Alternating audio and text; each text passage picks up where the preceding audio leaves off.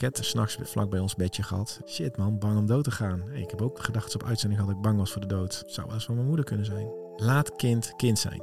Als je 17 uur of langer wakker bent, heb je dezelfde concentratie en coördinatie als iemand die te veel alcohol drinkt. Irriteren vind ik altijd een godsgeschenk. Roddelen.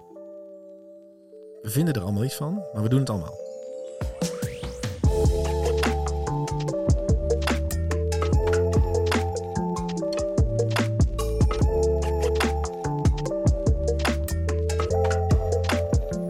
Welkom bij Barberio Podcast, aflevering 23. Top dat je weer luistert of kijkt. Vandaag heb ik uh, in de studio Mark Schadeberg, iemand die uh, zich uh, ja, voor defensie heeft ingezet.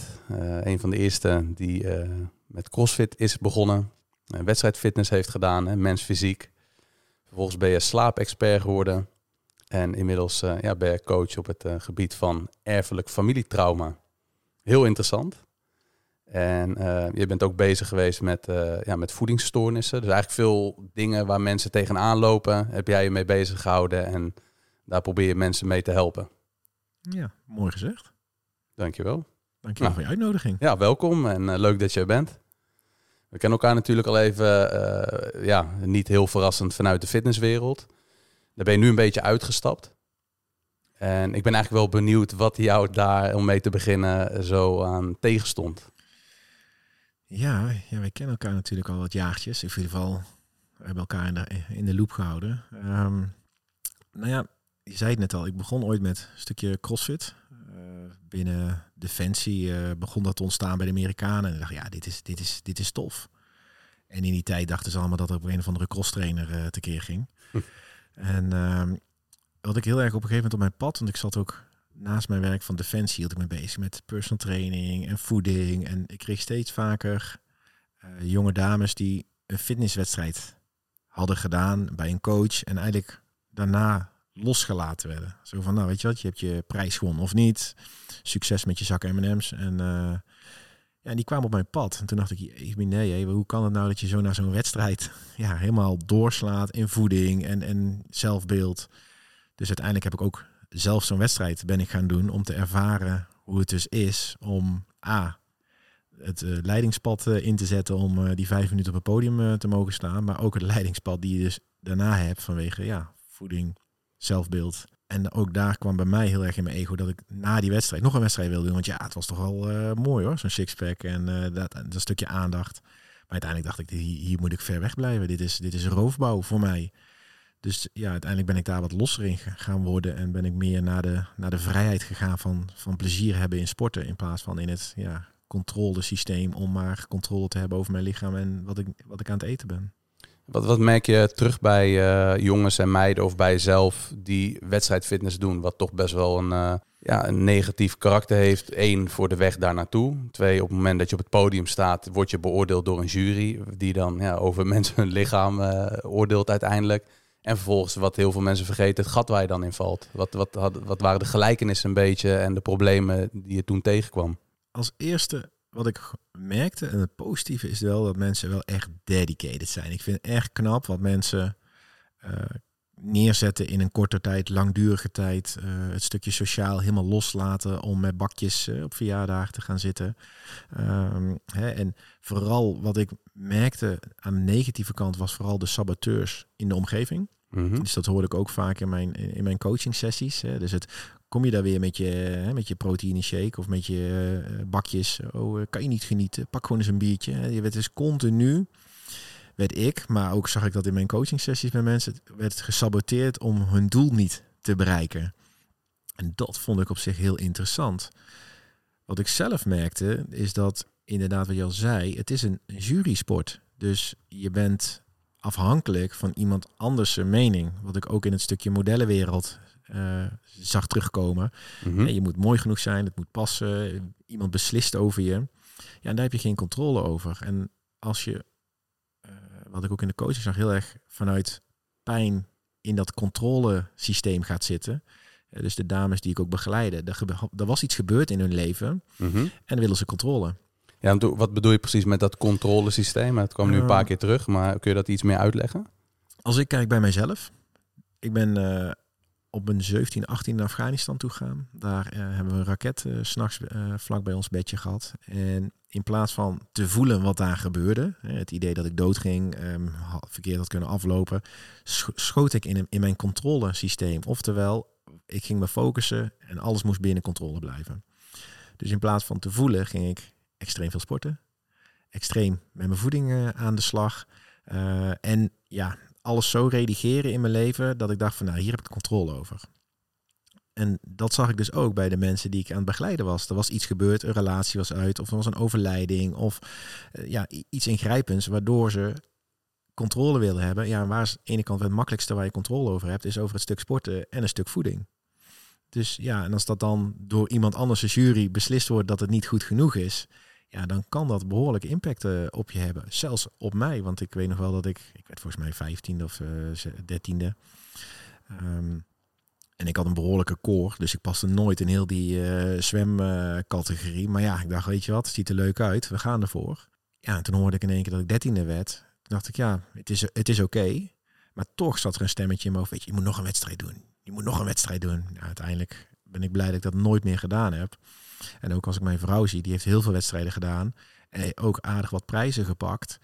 Ja, die vertelde me precies hetzelfde, weet je wel. Je bent afhankelijk van de jury en al win je, iemand vindt daar ook weer iets van. Hè? Want ja, waarom heb jij recht op? Of misschien heb je dan iets gedaan met de jury, of misschien vriendjespolitiek. Het, het is nooit goed. Ja, ja, Terwijl het mooie vind ik dat mensen echt dedicated ervoor gaan. Alleen, ja, als ik dan ook refereer naar het stukje slapen binnen Defensie, je wordt iets aangeleerd, maar je wordt niet meer geleerd hoe je het weer rustig kan opbouwen. Dus ja, dan komt het zwarte gat. Waar toch al veel mensen in terechtkomen. Dus uh, wat herkenbaar is in ieder geval, waar je veel ervaring mee hebt, is... Je hebt dan een raketinslag uh, echt letterlijk uh, meegemaakt, wat heel heftig en traumatisch is. maar je sluit je daar een beetje voor af. Maar er zijn heel veel mensen die een soort denkbeeldige raketinslag in hun leven meemaken. Ja, ja, bij mij ging hij dan, explodeerde die niet. Maar ja, ik was wel laag in een tent. En ja, ik, ik het woord emoties werd binnen Defensie niet omarmd. Emoties kan je uitschakelen. Terwijl ik ook vanuit mijn jeugd al heel veel struggles en pijn en... Maar ja, daar werd, no, daar werd niet om, naar, gekeken in het, in het schoolsysteem. Nee, ik werd gepest en ik werd van school gestuurd naar, naar een andere school. Ja, dus ik was gewoon een hele gevoelige jongen... die heel goed door middel van controle alles mooi kon redigeren. Maar ja, ik vergat daarbij mezelf. Ja, want je hebt natuurlijk ook net als ik een uh, behoorlijke reis op social media afgelegd. Waarbij je dan heel goed, uh, ja, in het algemeen, jij of ik, um, ja, de wereld er anders uit kan laten zien. Hè? Ook omdat je natuurlijk een boodschap hebt. Je bent altijd in die coachingswereld actief geweest. Dan is het ook belangrijk hè, dat je in ieder geval zelf uh, op social media de dingen voor elkaar hebt. Maar wat kwam je daarin tegen? Want het is natuurlijk een hele reis die je hebt afgelegd. Veel uren op social media hebt besteed. Je hebt modellenwerk gedaan. En wat is de keerzijde van, van ja, het niet onder ogen komen van uh, waar je daadwerkelijk mee zit? Ik ging naar mijn derde missie volgens mij in Afghanistan. En ik had nog nooit gehoord van Instagram. Terwijl het wel volgens mij vier jaar, vijf jaar bestond. Ik was er helemaal niet mee bezig. En mijn relatie was daarvoor uitgegaan. Um, de verhalen waren dat ze ja, gesnoept had, terwijl ik daarvoor ergens uh, in Afrika was. En in plaats van te voelen, stopte ik het weg. En toen zei iemand, ja weet je wat je moet doen? Je gaat dadelijk op uitzending. Je ziet er leuk uit. Je moet gewoon een beetje fotootjes maken. Kan iedereen het gewoon volgen? Toen dacht ik, ja weet je, waarom, waarom probeer ik het niet? En uiteindelijk in Afghanistan begon ik daar naast mijn werkzaamheden, begon ik een crossfit uh, box. Dus ik had wat apparatuur neer kunnen zetten. En ik ging lesgeven, want ik had die diploma's gehaald. En ja, heerlijk man, die groepslessen geven. En dat promote ik. En dat sloeg aan in Nederland. En mensen vonden het leuk om te volgen. En mijn lichaam was aan het transformeren van uh, ja, echt naar een of andere bullebak. Want, uh, want ik was van natuurlijk hoe breder, hoe mooier. Ja, en die likes en die comments waren natuurlijk gewoon op dat moment dacht ik van, oh wat leuk, ik kreeg aandacht. Wat fijn zeg, een stuk verbinding. Iets waar ik eigenlijk heel mijn leven al mee aan het stoeien ben om verbinding met iemand aan te durven gaan. Weet ik nu dan. Ja, na, na die uitzending kreeg ik in één keer opdracht als model. En, en, en mocht ik in reclame spelen en, en kreeg ik gratis spullen. En ging ik in één keer dat hele influence wereldje in. Toen ik, hoe heet het ook weer, de uh, Fibo? Ja, die, mhm. fitnessbeurs. En toen was er een, uh, een merk, Nokko's. En daar mocht ik dan als Nederlands vertegenwoordiger op die beurs staan. En we werden op dat moment gesponsord door Gymshark. Dus ik stond met alle wereldberoemde vloggers en bloggers in de sportscene. Jonge dames met 3,4 miljoen volgers, mannen met, ja, en ik met mijn 3000 misschien op dat moment. Maar wat ik heel erg merkte is dat mensen ja, het interessant vonden, mijn verhaal. Een beroepsmilitair, eh, in plaats van dat ik heel goed was in fitness. Want dat was ik eigenlijk niet. Ik trainde wel puur op techniek en crossfit, maar ja, niet niks meer. Maar het bleek toch heel erg aan te slaan. Dus toen ben ik echt sky high gegaan in mijn volgers. Eh, ja, en toen kreeg ik allemaal op, gratis spullen. En ik moest daarheen en een feestje. En zelfs naar Amerika. En een hotel was openen in, eh, in Japan. Uh, circuitrace in Barcelona. Ja, magisch. Alleen ja, daar raakte ik mezelf ook wel aardig in kwijt. Dat leidde jou eigenlijk af van de problemen die je daadwerkelijk had. Nou ja, ik, ik ging een, een soort van rol spelen, denk ik. Dus ik ging op zoek naar nog meer volgers, nog meer likes, uh, nog mooiere foto's. Ik kon ook niet meer genieten als ik ergens was. Was ik meer bezig met foto's maken. Mm -hmm.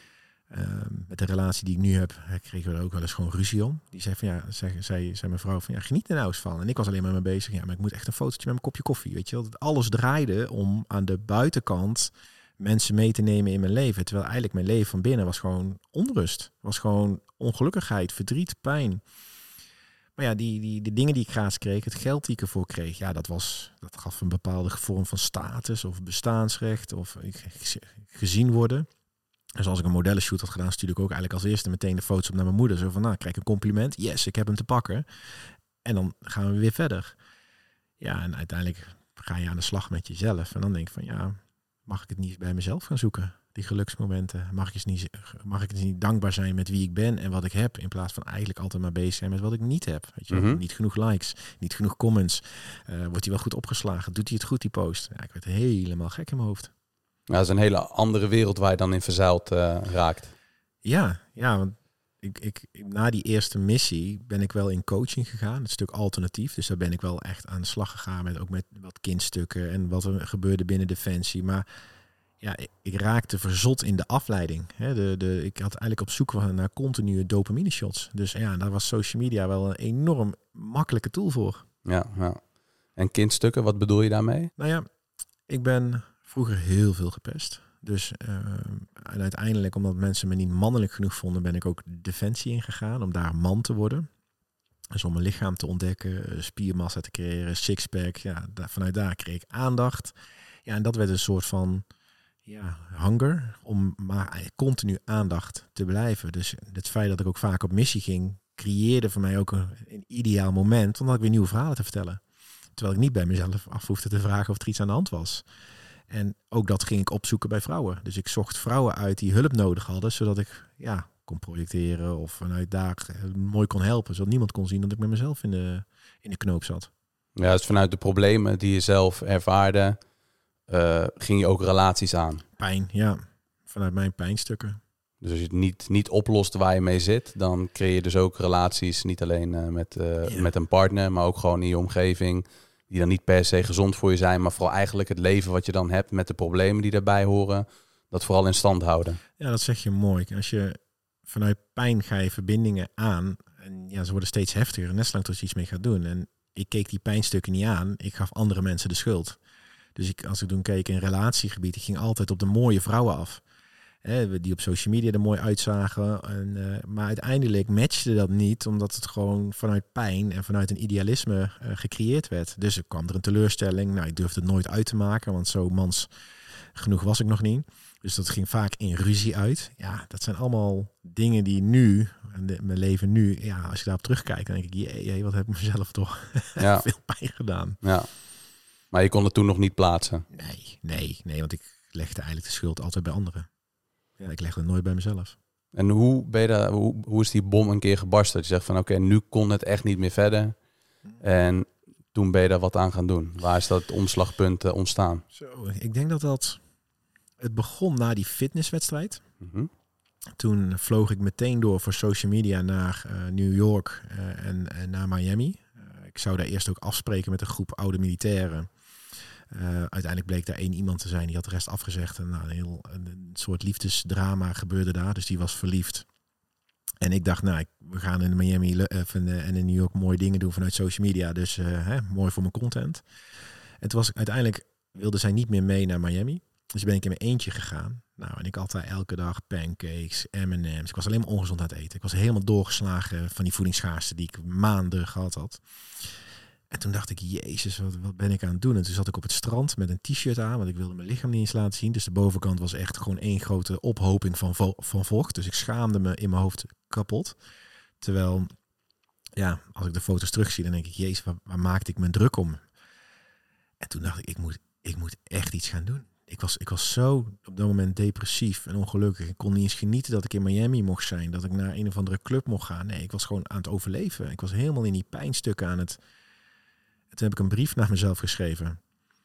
En toen dacht ik, we gaan veranderen. Want wat ik nu aan het doen ben, ik had ook helemaal geen vrienden meer. Iedereen raakte kwijt. Ik maakte veel contacten, maar het bleef, hield geen stand. Dus ik ging maar random WhatsApp berichtjes sturen met... hey, hoe is het om maar weer in verbinding te komen? Toen dacht ik, ja, wacht eens even. Ik, moet, ik, ik, moet, ik moet met mezelf aan de slag, denk ik. Want ik kan de rest wel heel de wereld de schuld gaan geven. Maar Ja. dit, dit, dit is mijn stuk. Je moest het eerst in verbinding met jezelf komen. Ja. En kun je nog herinneren wat dan toen dingen zijn uit die brief? Dat is natuurlijk heel persoonlijk, maar wat... Ehm, nou ja, daar kwam echt naar boven dat ik echt op zoek was naar, naar bestaansrecht. Dus dat ik heel erg... ehm, eh, ja, het deed me gewoon... Ik was altijd met mijn uiterlijk bezig. Dus ik, Mhm. ik, ik vind het heel erg dat ik op mijn uiterlijk beoordeeld werd. Maar ik was er wel altijd mee bezig. Dus ik weet altijd van, oh ja, is een leuke jongen, maar ja, zal die wel inhoud hebben? En het het heel erg, dat stuk pesten, bleef me maar achtervolgen. En daar bedoel ik mee dat vroeger werd ik gepest op school, van een afstandje, eh et cetera. Maar nu maakten mensen me belachelijk als ik erbij was stond of achteraf. Dus eigenlijk energetisch was het nog steeds pesten, alleen op een andere volwassen manier.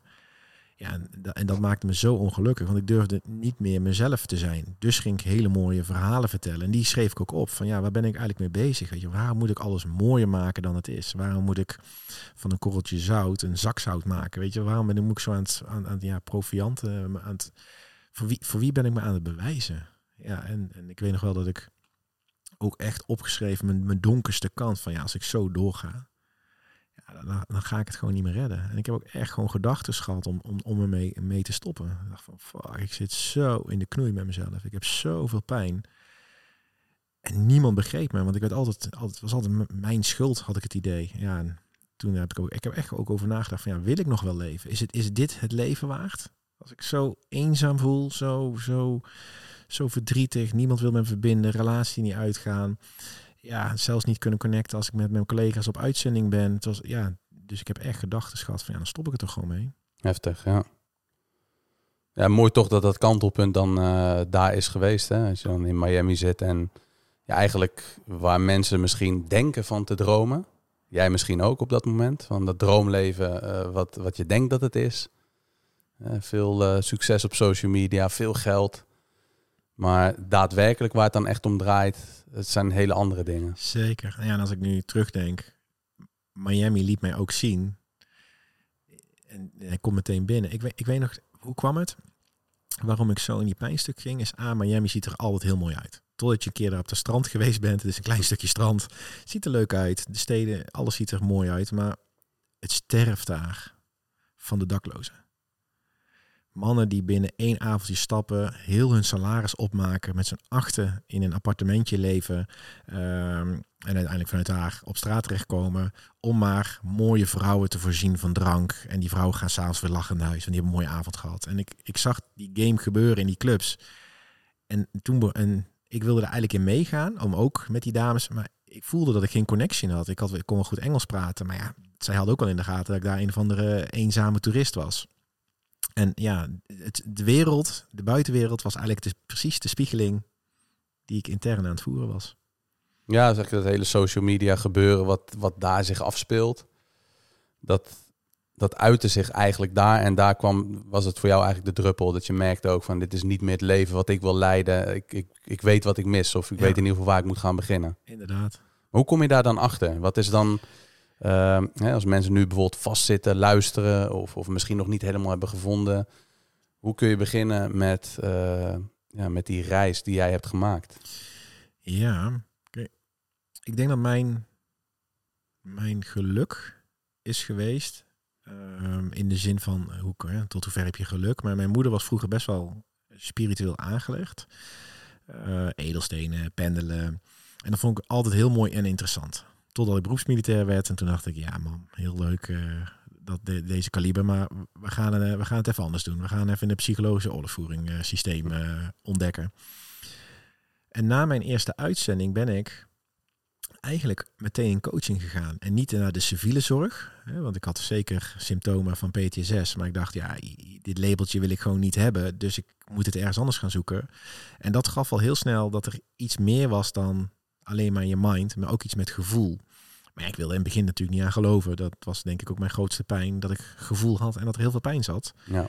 Ehm, en wat ik nu zie, en als ik dan wat je net vroeg van ja, hoe kunnen mensen beginnen, is we weten het altijd heel goed te verklaren in ons hoofd en we weten allemaal waar het vandaan komt. Maar uiteindelijk schrijf eens op wat je eerste stap kan zijn voor verandering. En dat ben ik toen in die brief gaan doen. Wat is mijn eerste stap? Oké, ik laat een stukje social media. Ik ga wat meer mezelf laten zijn, ook met mijn mindere kanten. Ik ga uh, hulp vragen als ik thuis ga komen, want ik, ik, kan het dus niet meer alleen. Iets wat wel op school aardig in een systeem geduwd wordt, dat je alles alleen moet doen en niet mag afkijken. Maar ik dacht, ik ga gewoon eens hulp vragen. En toen heb ik een oude coach gebeld van de tijd dat ik nog in mijn eerste missie ben geweest. En zeg van ja, huilend, ik heb je hulp nodig. Ik, ik, ik heb zo'n donkere gedachten. Wat moet ik gaan doen? Stap 1, hulp vragen, echt heel belangrijk. Ja, en of opschrijven, wat zou de eerste stap kunnen zijn voor verandering? En heel vaak als je eerste stap opzet, dan komt de rest ook wel uh, tevoorschijn. Ja, ja. En, en weten weten, en ik hoop dat deze binnenkomt, is we dragen bijna allemaal dezelfde soort trauma's en pijnstukken, alleen op een ander niveau, op een andere uiting. Terwijl als je gaat praten met je omgeving, en dat doe ik ook vaak als ik weekends of events draai, in het begin zijn het individuele mensen. En eind zijn ze hartsvrienden geworden, omdat ze achterkomen dat we allemaal hetzelfde thema aan het dragen zijn. Wat zijn de gelijkenissen die dan mensen hebben in al die trauma's die we bij ons dragen of problemen? Ehm, nou ja, ik zie dus heel veel dat de band tussen moeder en kind verbroken is. Dus ja, op volwassen niveau heb ik een goede band met mijn moeder. Maar vanuit kindsniveau was mama afwezig of stressvol. Of, uh, en dat kan natuurlijk ook met papa, maar moeder staat veel dichter uh, bij je. Even, om daarop in te haken. Dus je had een goede relatie met je moeder of nog steeds, maar je op kindniveau niet? Nou ja, ik ben... Nou ja, ik, ik zou een van de vierling zijn die zijn toen vroegtijdig overleden. En daarvoor had mijn moeder heel veel miskramen gehad. Dus behoorlijk wat rouw. En als de rouw uiteindelijk aanwezig is, is het heel moeilijk om je hart weer open te stellen voor iets nieuws. Of het nieuws wat komt moet een vervanging zijn voor al het verdriet wat ervoor gedaan is. En toen bleek ik met mijn tweelingbroertje ja, te vroeg geboren te zijn, waardoor de longen niet uh, goed gerijpt waren. Dus we gingen meteen in een couveuse. Hij moest zelfs nog naar een ander ziekenhuis toe. Dus er zijn toen beslissingen gemaakt van leven en dood. En die zou ik mijn moeder ook nooit kwalijk nemen. Maar het feit dat ik in die couveuse gelegen heb met een kastje op mijn lichaam, dat als ik niet ademde, kreeg ik een stroomschok. Zorgde er al voor dat mijn lichaam in de spanning, angst, stress, overleving en geen verbinding aan kon gaan met mijn moeder. Ja, en nu, het is, mijn moeder is een schat van een vrouw, maar heeft ook haar verhalen. Maar als kind zijnde heb ik nooit die verbinding kunnen leggen. Dus was ik ook, naarmate ik ouder werd, botste ik enorm met mijn moeder, omdat ik, ja, ik durfde niet te verbinden. En op volwassen leeftijd kunnen we het allemaal verklaren en ik ben lief geweest. Maar als ik terugkijk, en dat doe ik natuurlijk nu ook vanuit een stukje erfelijk familietrauma. Ja, dan is eigenlijk wat in dat eerste jaar gebeurt. Ja, dat, dan zie je dingen gebeuren die je dus afstand creëren tussen mama en kind. Ja, en daar loop je uiteindelijk spaak op relaties, liefde, gezondheid, voeding. Ja, en als ik dat nu terugkijk, denk ik, ja, dit is, dit is mijn beginpunt geweest waarom ik niet kon verbinden. Dat is mijn beginpunt geweest waarom ik uiteindelijk met voeding aan het stoeien was. Het beginpunt geweest omdat ik geen vrienden kon maken. Omdat ik ja, nooit die band heb kunnen krijgen met mijn moeder vanwege een leven- en doodsituatie. Ja, want uh, heel vaak kijken mensen terug op een uh, liefdevolle jeugd. En jij misschien ook wel, alleen zijn er wel essentiële dingen die daar missen. Jij uh, jij overleeft de geboorte. Jouw tweelingbroer dan niet, als ik het... Jawel, jawel, jawel. Dat heeft ook overleefd, ja. Dus die... Maar van een vierling zijn er dan. Ja, dus daar begint het mee. En dat stukje... Uh, daar begint eigenlijk een, een heel groot gedeelte van jouw toekomst. Maar ja, jouw moeder haar leven gaat natuurlijk ook door. En daar zit een stukje trauma dan in. Hè? Want voor jou gaat het, hè, loop je er zo heel snel doorheen.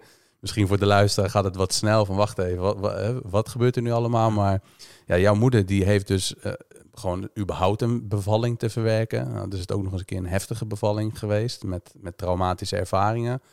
En daar ontstaan dan dingen, is dat jouw moeder bijvoorbeeld de trauma uh, niet goed verwerkt. Zij moet natuurlijk ook gelijk een moeder zijn, wat heel begrijpelijk is. Maar in jouw jeugd mis je daardoor een aantal hele belangrijke elementen. Ja, ja de, um, de, de, het kan natuurlijk ook voor de luisteraars heel snel gaan, maar zij heeft dus zoveel rouw meegemaakt. En natuurlijk, weet ik nu ook vanuit verleden, nog meer trauma's. Um, waardoor het liefde geven vanuit energie wordt dan een stuk lastiger. En ze zou er alles aan ze heeft ook alles aan gedaan om zoveel mogelijk liefde te kunnen geven.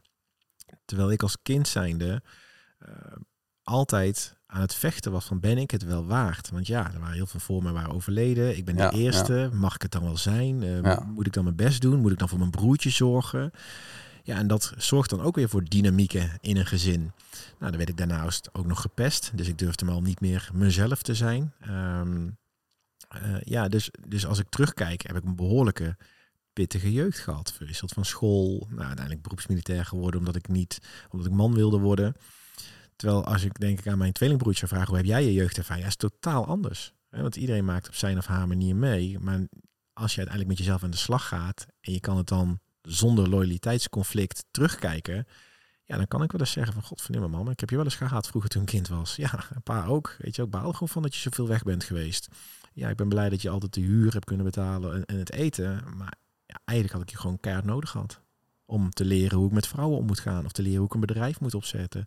Of hoe ik als man in de wereld mag staan.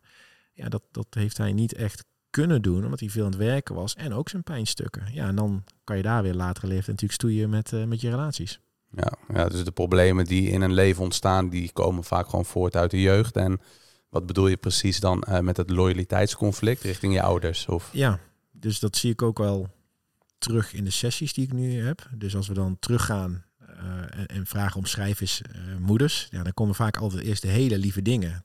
En totdat ik vraag van ja, maar waar geef je ze de schuld van? Ja, dan, dan, dan komt heel vaak pijn. Je, je kan pas van iemand houden als je ook van kan haten, zeg ik dan altijd. Ja, en dan wordt het heel moeizaam. Ja, ja, was toch wel afwezig. Oké, en verder? Ja, ja, ze was ook wel gestrest. Ja, dan begint de emotie al te lopen. Want ja, als kind zijn er bij je loyaal naar je ouders. Ze hebben je het leven gegeven uh, en voor je gezorgd als het goed is. Mhm.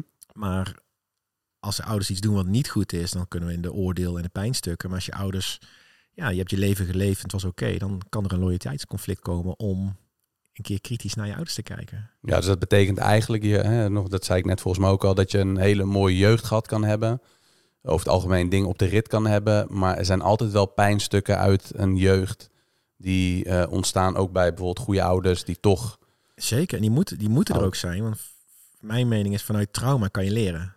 En de eerste drie jaar is jouw brein nog niet zo ontwikkeld dat je dingen gaat opslaan, wel in het lichaam. Dus als ik kijk naar het stukje mama-kindband, als een moeder te vroeg weer gaat werken of te vroeg weggaat op vakantie naar de vallen, kan het al een trauma zijn van verlating.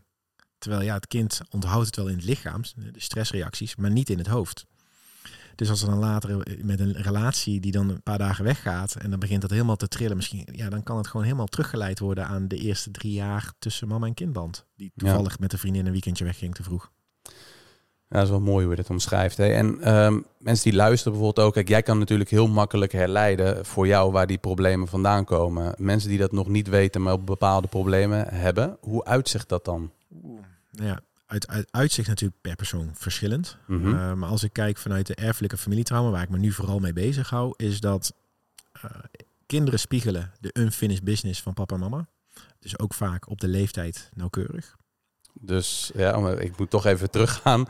Even stap voor stap dat behandelen, dat het niet te snel gaat. Mm -hmm. uh, kun je daar een voorbeeld van geven, hoe dat dan zich uit? Ja, ik heb er nu een, een moeder met, met een, een dochter nee, een zoon, sorry, die, uh, ja, die nu dus echt afzet tegen, tegen moeders. Een soort van ruzie maken, al op een hele jonge leeftijd. Ja, en dan stel ik de vraag van, ja, wat gebeurde er bij jou op deze leeftijd? Ja, dan bleek dus dat haar broer ruzie altijd maakte met haar. Dus dan komt dat alweer terug.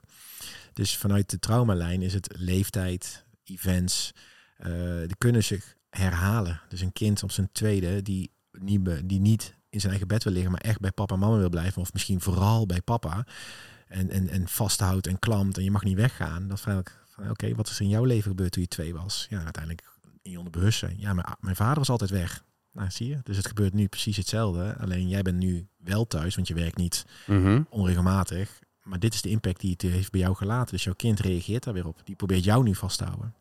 Maar heb je, heb je ook wel eens dat mensen dan zeggen van ja, maar dit, is- dit is toch niet per se dat het terugkomt vanuit vroeger. Dit is gewoon een kind die zijn vader mist. Nou of ja. een kind die gewoon, gewoon bang, zonder dat dat dan Zeker. terug eh, gaat naar Zeker. vroeger of zo. Dat dat, Zeker, maar dat is zeker dat mensen dat zeggen. We proberen natuurlijk heel erg te verklaren. Eh, maar er is ook heel veel dingen nog niet verteld in de wereld. Dus we houden ook heel erg vast aan, aan ja, riedeltjes die we op school gehoord hebben. Of in, in, in bepaalde werelden wordt dat allemaal gecreëerd, geconditioneerd. Terwijl vaak als ik het dan spiegel bij die mensen, komt er emotie vrij. En dan kunnen we er naartoe, het doorleven en het ervaren. Ja, en dan, dan kan het een plekje krijgen. Maar heel veel denken er niet over na. Dat het, dat het ook wel eens een stuk kan zijn van zichzelf. of staan ervoor open. Inderdaad. Want als de pijn te hoog is en je bent niet bereid om te willen veranderen, ja, dan krijg je wat ik had. Dan ga je andere mensen de schuld geven. En dan wil je het ook niet aannemen. Ja, en hoe, hoe is dit eh, principe, of hetgene wat jij doet hè, met erfelijk familietrauma, anders ten opzichte van bijvoorbeeld wat Els eh, Stijn doet met familiesystemen? Ja, Els, Els doet magische dingen hè, met de fontein. Ehm, hè, dus het, eh, sta je in de goede bak, hè? sta je als kind Mhm. erboven. Dat Ja. vind ik heel interessant. Ehm, De denkbeeldige fontein met Ja, die bak. Ja, ja, ja, dat vind ik heel magisch. En systemisch kan je heel mooi zien hoe het werkt. En vanuit het erfelijke familietrauma is eigenlijk het... Je, je hebt daar vier types. Je kan in afwijzing, breaking eh, de band, oftewel je, je band is verbroken met je moeder, dat is het belangrijkste, of met anderen. Je kan dus een identiteit overnemen. Ehm, en even kijken, de laatste is... eh, zo, ik- eh, je, je gaat eigenschappen overnemen. Dus je kan hem echt identificeren. Of je Mhm. gaat, ja, je gaat ehm, bepaalde dingen overnemen of onbewust dragen. En als je dan gaat kijken bijvoorbeeld bij afwijzing, dan hoe meer je iemand afwijst, hoe meer je die negatieve eigenschappen zelf gaat uiten of gaat misschien wel een partner zoeken met die eigenschappen. Dus wat ik vaak zie in mijn sessies, dan wijzen ze hun vader af.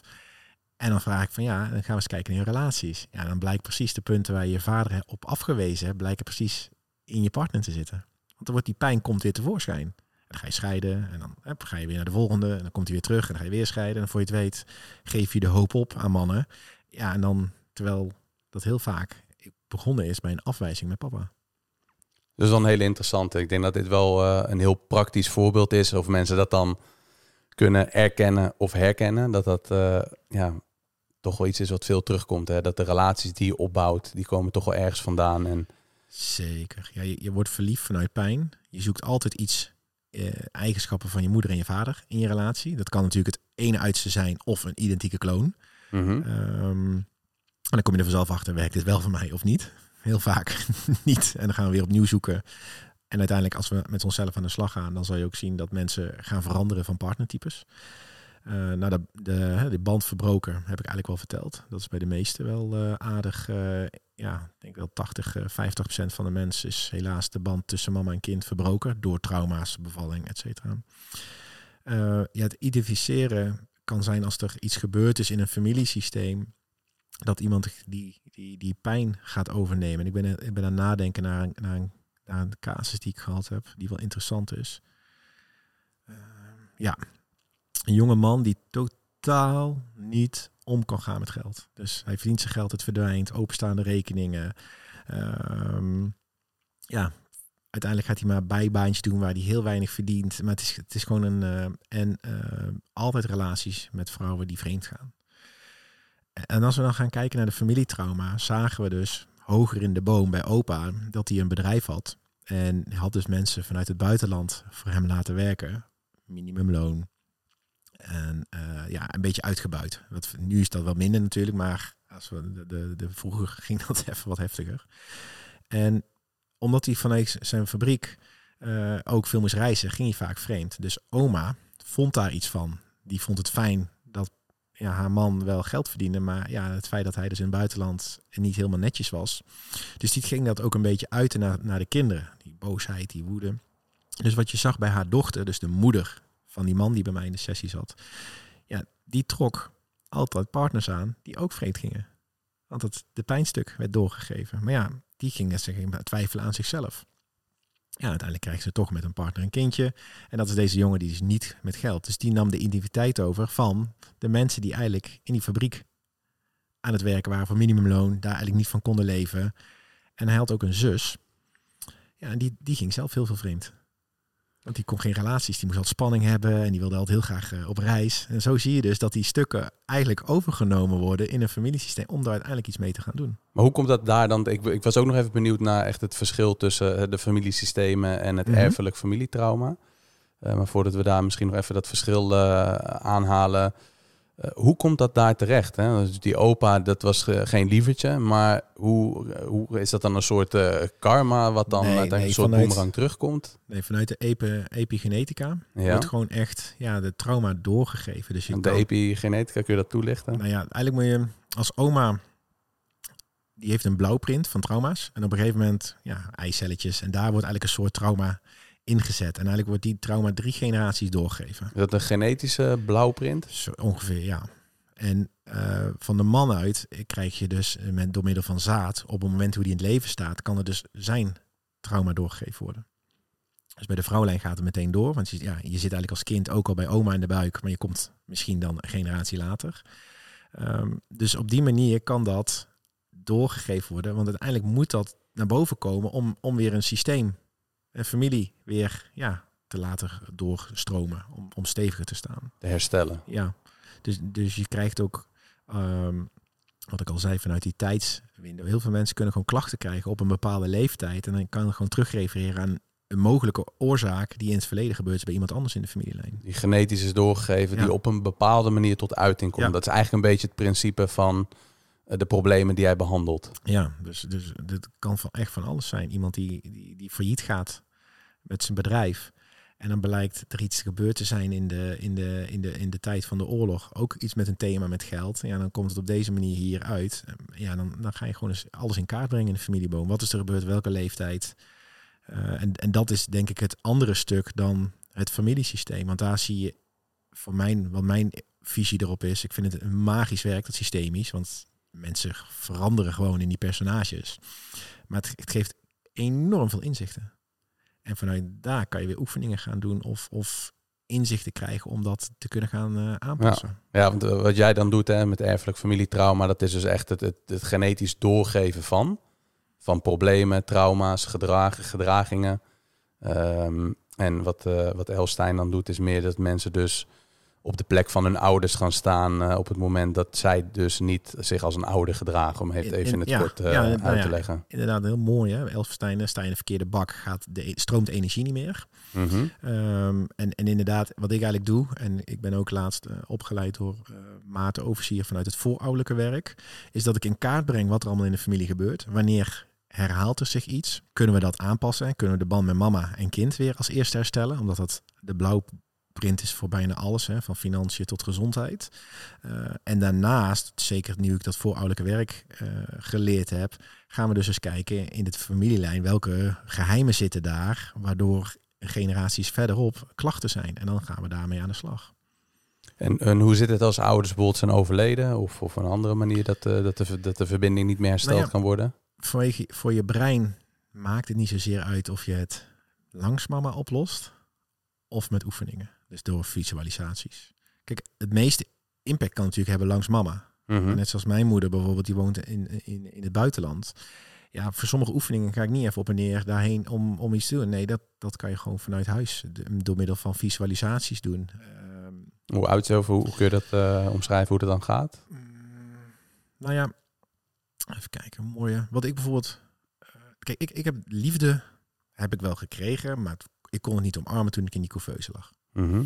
En ik heb als kind zijnde geleerd om mijn liefde weg te geven aan mijn moeder, om ja, misschien eh, een vorm van leegte op te vullen, verdriet, eh et cetera. Dus ik ben altijd aan het geven geweest, altijd geven, geven, geven, geven. En nu visualiseer ik elke avond mijn moeder toen ze jong was en zeg ik, mam, wil je mij vanavond alsjeblieft veilig en liefdevol vastpakken? Want dat kon ze toen niet in die couveuse. En wil je mij alsjeblieft liefde geven in plaats van dat ik liefde aan jou aan het geven ben? Want dat is wat we als kind zijn heel graag doen. Die leegte opvullen of liefde geven, terwijl we eigenlijk van onze ouders horen te ontvangen. En dit is denk ik wat heel veel mensen wel herkennen, die vooral geven, zichzelf niet op de eerste plek zetten, maar vooral bezig zijn met vooral iedereen en alles om zich heen te verzorgen. Ja, nou ja, dat is een van de voorbeelden. Ja, dat Ja. kan zich uiten daarin. Als, Ja. je, als je een mama's kindje bent, even in hokjes geplaatst. Wat vaak, vaak een voorbeeld wat ik zie is dat mama niet een goede relatie heeft met papa. En dat komt in zo'n systeem komt dat heel mooi naar voren. Dus dat is, eh, en, en da- daardoor gaat het kind in de verkeerde bak staan. Die gaat dan de leegte opvullen van mama. Of eh, mama komt halen wat papa niet geeft. Ja, en dan wordt die jongen wordt bijna vervormd in mo- moeders kindje, waardoor die later op zoek gaat naar andere meisjes die geholpen moeten worden omdat die een leegte missen of ja, die zijn wat gevoelig voor vreemd gaan en die gaan altijd in contact met meisjes in plaats van die mannen lopen ze weg, want ja, ik heb eigenlijk altijd gehoord dat papa niet niet niet deugde. Terwijl dan papa reageert daar weer op, want die merkt natuurlijk dat die dat sy- systeem verandert. Ja, die wordt dan in één keer thuis heel dominant, want ja, die die voelt zich ook in een hoek geduwd. Ja, en daar ontstaan de trauma's. Zo interessant hè, hoe dat zich zo verhoudt tot de realiteit. Hè? De dingen die we meemaken, hoe dat zich uit en dat we heel weinig bij stilstaan. Wat de, de, de hedendaagse problemen die er zijn. Eh, het externe bevestigen, bevestiging zoeken. Ja, wat heel ja. veel tot uiting komt. En ik denk dat een van de thema's, en die kom je vast ook, is, is ook een stuk geld. Hè, er zit natuurlijk ook een hele, eh, voor heel veel mensen pijn op, moeite om geld te durven vragen, moeite om geld te kunnen sparen. Eh, maar als ik dan kijk vanuit het erfelijke familietrauma, begint dat eigenlijk met hoeveel liefde heb je van mama gehad? En, en, en hoe is het onbewust ben je na- naar je pa? Dus ik bedoel ermee, wat ik heel vaak zie, is dat als mama niet voldoende liefde heeft kunnen geven, zie ik ook vaak dat mensen struggelen om geld te vragen. Hoe, soort, soort hoe, eh, hoe staat dat dan met elkaar in verhouding? nou ja, vanuit de erfelijke familietrauma is je moeder echt de blauwprint voor geld, liefde, verbinding, et cetera. Dus als je daar ehm, in de familietrauma een trauma is ontstaan, vloeit de energie van liefde niet door het familiesysteem. Dus de- heel vaak zie je dus die vergelijking dat mensen dan ook problemen komen met geld. Maar het kan ook zijn, hè, dus een stukje met moeder liefde geven, geld te durven te ontvangen en te vragen. Maar het kan ook zijn dat je onbewust dezelfde pijn wil dragen als je ouders. Dus als mama bijvoorbeeld ongezond leeft en pijntjes heeft, mama pijn, ik pijn.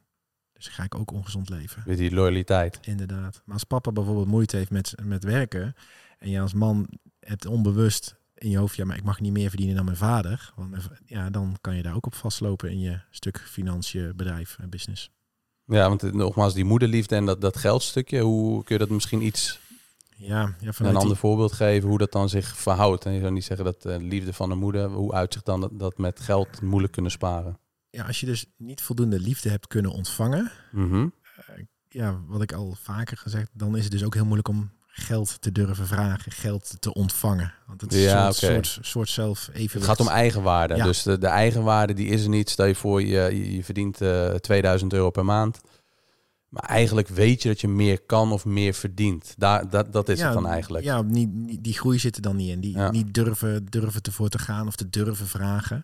Hetzelfde niet dat mensen niet durven te vragen om liefde te krijgen. Hè, mag ik eens een knuffel van je? Eh, Mhm. Ja, het is eigenlijk een soort, soort metafoor. Je moeder staat echt voor alles. Dus als je in een lastige relatie zit, dan is het bijna identiek dat je een lastige moeder hebt gehad. Dus, dus in mijn coaching stel ik ook de vragen van hoe is je relatie niet omschrijf het is. Ja, mijn, mijn, partner is echt hard. Dan zeg ik, was jouw moeder vroeger ook hard? Ja, 9 van 10 keer ja. Hoe, hoe voel je je bij groepen? Ja, ik moet echt eerst de kat uit de boom kijken en even, even, sfeer, even sfeer proeven. Oh, dan heb je waarschijnlijk als kind zijnde ook altijd zo ge- gevoeld. Van, ik moest thuis eh, even de kat uit de boom kijken hoe mijn moeder reageerde. Oh, mijn moeder is goed gehumeurd. Mooi, kan ik mezelf zijn. Oh, mijn moeder is boos. Oh, dan ga ik liefde geven. Ja, dat is wel heel interessant. Als je zo die, die vergelijking maakt. Het is nooit zo één op één. Van, oh, ik heb geen liefde gehad, dus ik heb geldproblemen. Dat, Nee, het komt... Tuurlijk, hè, door middel van coaching kan je groeien, et cetera. ja, maar ja. vaak als mensen met de hulpvraag komen en me vastlopen op, ja, ik krijg mijn, mijn mijn zaken niet voor elkaar, en, nou, het falingspatroon, et cetera, dan refer, ga ik wel eens kijken hoe de band is tussen kind en mama. En dan vind ik daar dat daar heel vaak een, een verbreking is geweest. Ja, wat scheurtjes of, of iets in ieder geval Ja. wat, eh, of je een fijne jeugd hebt gehad of niet. Dus het, het is toch wel te herleiden dat daar wat eh, ja, dingen zeker, gemist zijn. zeker. Alles al wat in de, in de bevalling, het, eh, maar ook in de zwangerschap. Dus als je kijkt weer dat stukje epigenetica, we hebben laatst onderzoek gelezen, is dus als, als een moeder gestressvol is, maakt een kind enzymen aan om afstand te nemen van mama, want die wil heel die cortisol niet binnenkrijgen. Ja, dan begint dus al een kleine vorm van onthechting en verbinding verbroken. Voor de geboorte al, Ja. ja. wordt het zo meegegeven. Ja. Ja.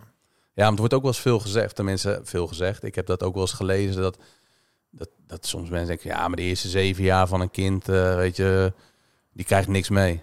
Nou, het begint al bij de conceptie. Dus daar krijg je al mama en papa met hun trauma's. Nou, jij als, als, als, als ziel ehm, gaat, gaat daar naartoe. Die kiest daar in mijn ogen ook voor een reden voor. Want die, die wil er iets leren en die heeft nog iets te leren. En de ouders moeten er iets van leren. Ja, en dan in, vanuit het eh, voorouderlijke werk, wat ik dus eh, laatst via Maarten, die vertelt het heel mooi. Een, een, een baby kan nog niet voor zichzelf denken. Dus alles wat moeders meemaakt, hoort, extern, intern, creëert al overtuigingen, eh, levenspatronen in die baby. Dus is te veel fysiek geweld. En dan gaat het kind al misschien al krimp in de buik. Die maakt zich al krampachtig van shit, want daarbuiten is het, is het eng en gevaarlijk. En dat, dus, dus op het moment dat het dan geboren gaat worden, ja, dan heb je al een blauwprint van alle ervaringen van die negen maanden ervoor. Daarna heb je die eerste zes jaar dat ze inderdaad nog alles wat ze meemaken, horen, ervaren. Daar wordt ook nog een stuk conditionering en, en, en een blueprint. Ja, en daarna eh, zit het sommige mensen aardig in de knoei. Want Ja. dan leef je dus overtuigingen en pijnstukken. eh, en, en dingen die je meegemaakt hebt in, in, in de eerste zeven jaar. En dan bedoel ik ook de zwangerschap erbij. Ja, dan wordt het wel eh, aardig eh, aan de slag gaan om daar weer van los te kunnen komen. Om je uiteindelijk vanuit je authentieke ik te leven. Ja, het is wel, wel interessant inderdaad. En waar ik ook wel ehm, even kijken naartoe wil. Kijk, die eerste zeven jaar kun je je misschien niet herinneren. Maar dat wil niet zeggen dat je als kind dat niet hebt meegekregen. Ehm, dat leidt ook gelijk tot de volgende vraag. Mensen die nu luisteren en zoiets hebben van ja, mijn kind is nu drie of eh, ik ben nu zwanger. Ehm, ik merk dat ik best wel veel stress heb. En ik, hè, door deze podcast te luisteren, kom ik er dus achter dat ik daar misschien dan naast eh, zit. Hè. Dus het maakt dus wel uit. Die stress die ik nu heb, wil ik gaan verminderen. Wat zijn dan tips die je mensen meegeeft om, om daar dan gelijk praktische tips of, of kinderen die misschien tien zijn en waarvan je als ouder beseft van ja, dit raakt mij ook wel, dit gaat ook wel over mij. Hoe kun je dat dan voor je kinderen anders gaan maken of voor je nog te eh, Ja. geboren kinderen? Ja, nou ja, ik, ik ben, moet ik het mooi zeggen, ik zie, ik zie onszelf allemaal als een stuk kaas. En door trauma's zitten er gaten in. Dus we zijn allemaal gatenkaas. En door aan de slag te gaan met je trauma's wordt het weer jong belegen. Mooi, strak, hè, in een pakkie. Dus als mensen nu luisteren, ga aan de slag met je traumastukken. Want dan inherent heel je ook al de stukken bij je kind. Ik weet dat ik het hardste werk heb verricht toen mijn vrouw zwanger was van onze zoon. Want toen werd ik in stukken geduwd waar ik mee aan de slag moest. Als een kind uiteindelijk geboren is, en dat heb ik voor eerder ook al gezegd, een kind spiegelt de unfinished business van papa en mama.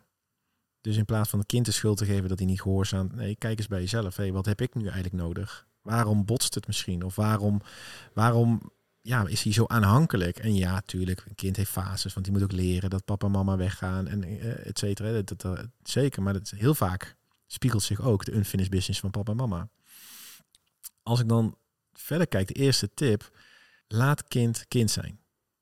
En wat bedoel ik daarmee? Als ik dat terugspiegel naar mijn thu- thuissituatie is, je bent best wel snel geneigd om met je vrouw of met je andere partner thuis te praten over volwassen dingen waar je kind bij zit. Dus toen ik de rekening, eh, een rekening niet kon betalen, maakte ik me zorgen om geld. Dat vertelde ik tegen mijn vrouw, terwijl mijn zoon daarbij zit. Maar die knapkop kan echt wel luisteren, ook al is hij maar één. Dus energetisch heb je dan kans dat hij voor je gaat zorgen. Dus wat wij heel veel doen is, oké, papa en mama maken nu even ruzie, maar die lossen dat zelf op. Of papa en mama, papa maakt zich zorgen om geld, maar dat is een volwassen ding, want jij mag kind blijven. Daarnaast ben ik van mening dat als kinderen wat ouder worden, neem ze mee in de trauma's die je zelf hebt ervaren. In plaats van, ja, maar dan moet, ik, moet ik hem echt niet mee belasten. Nee, maar als je het vertelt, dan snapt hij waarom er dingen gebeuren. Dan en hoeft hij het niet te gaan dragen. Want als je niet vertelt, gaat hij dragen. Want dan wordt het energetisch doorgegeven.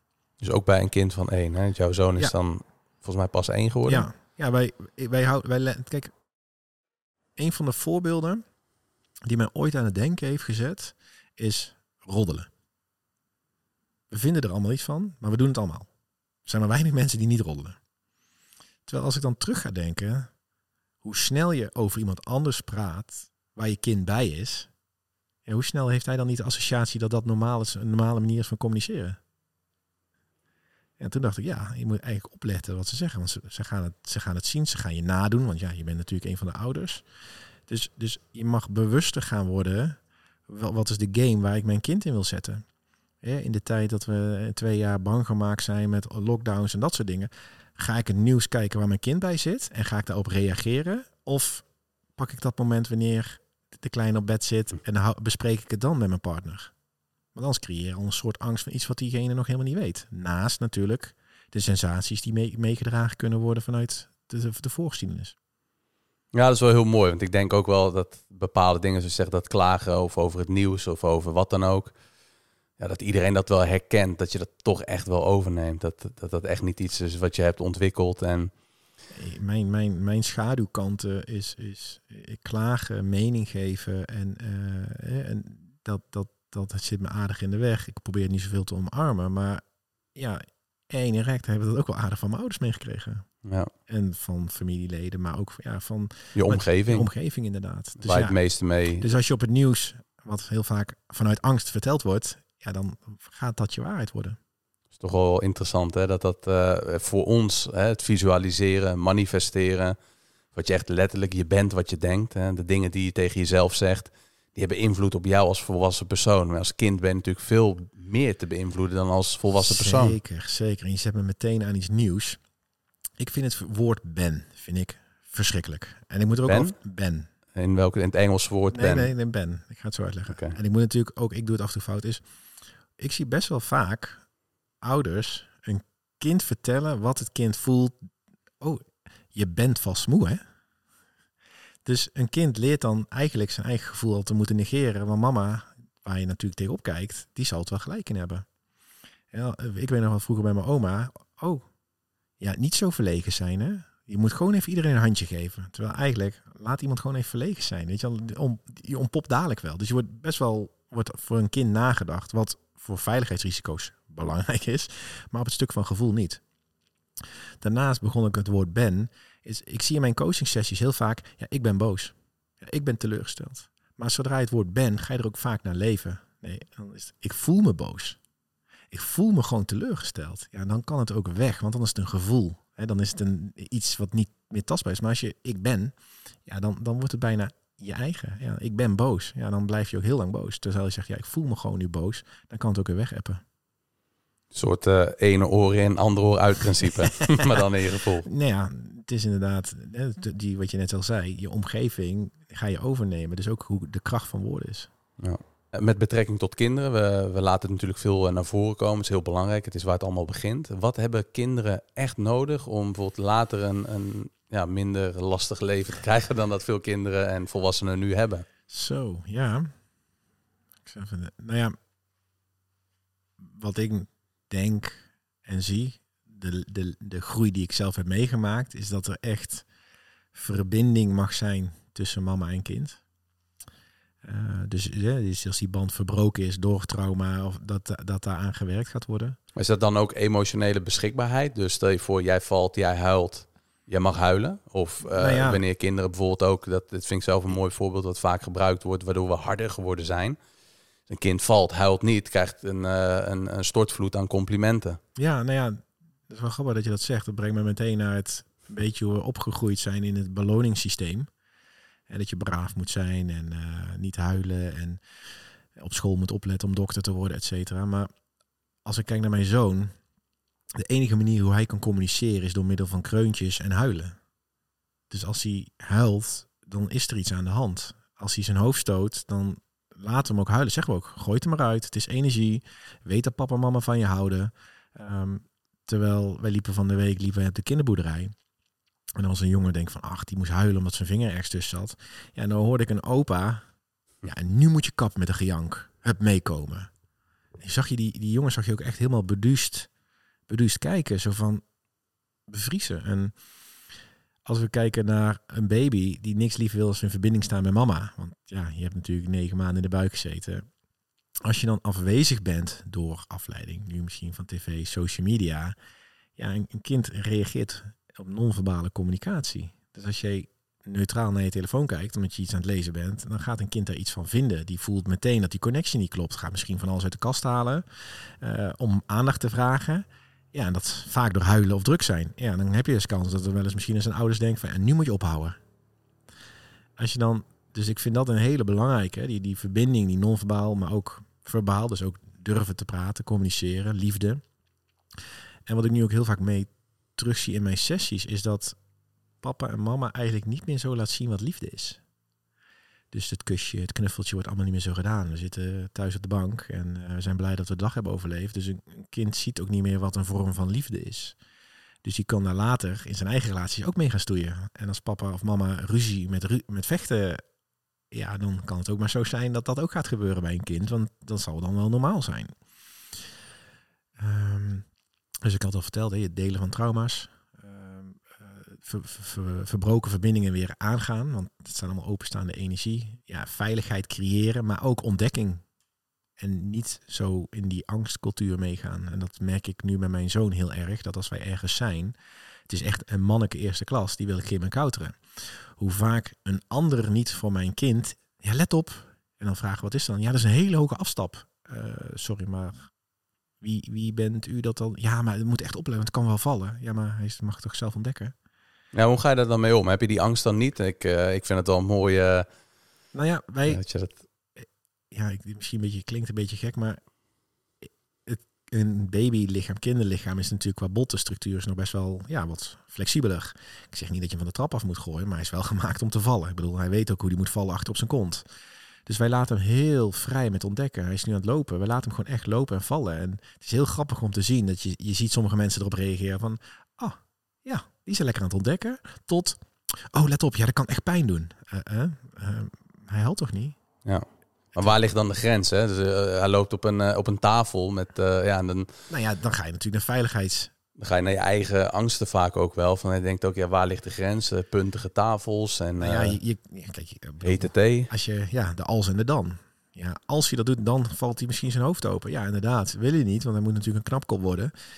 maar ja, hij mag ook ontdekken. Maar is, is dat dan, dat is, lijkt mij heel, ik heb zelf geen kinderen, maar jij hebt dus een, een kind van een zoon van één staat hete thee op tafel. En, en dat is ook, als dat over je heen valt, dan heb je geen blijvende brandwonden. Maar ja, om, Nou. om, dan moet je wel een hele sterk in je schoenen staan om te zeggen, ja, kijk, als dit nu over, over zijn voetjes valt, om het, om het zo min mogelijk erg te maken, maar daar wordt hij dan sterker van. Nee, nee, nee, nee, Nee, zeker ja? niet. Nee, nee, nee. Kijk, Dus er als- zit een als- grens in van, Zeker. Al- En, en iedereen heeft zijn of haar grens. Alleen je ziet het per cultuur, per, per generatie veranderen. Ik zie bij, bij eh, mijn vader en moeder en eh, ook bij mijn schoonouders, ja, zijn super lieve mensen. Maar die zijn wel wat sneller van, oh, ah, let op, eh, weet je wel. Omdat die in die tijd toen ook zo waarschijnlijk, eh, dit is 30 jaar verschil ja, tussen mijn opvoeding en hoe ik nu mijn kind opvoed, aan 35.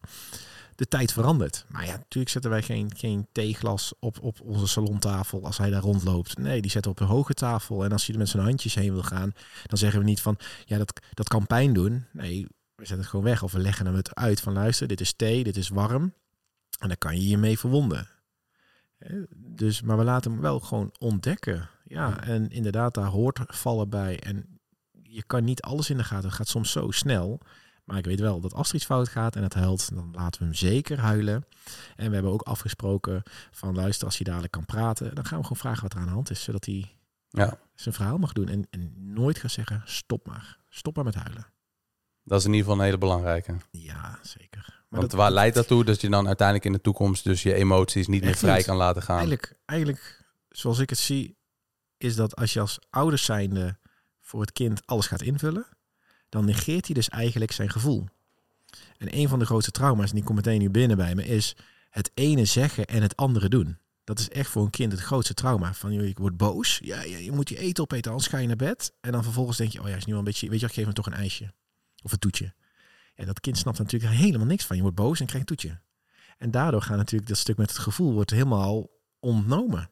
De meesten in de coaching sessie bij mij hebben ook alleen maar last van een buik. Het emotiecentrum. Het begint helemaal misselijk te worden.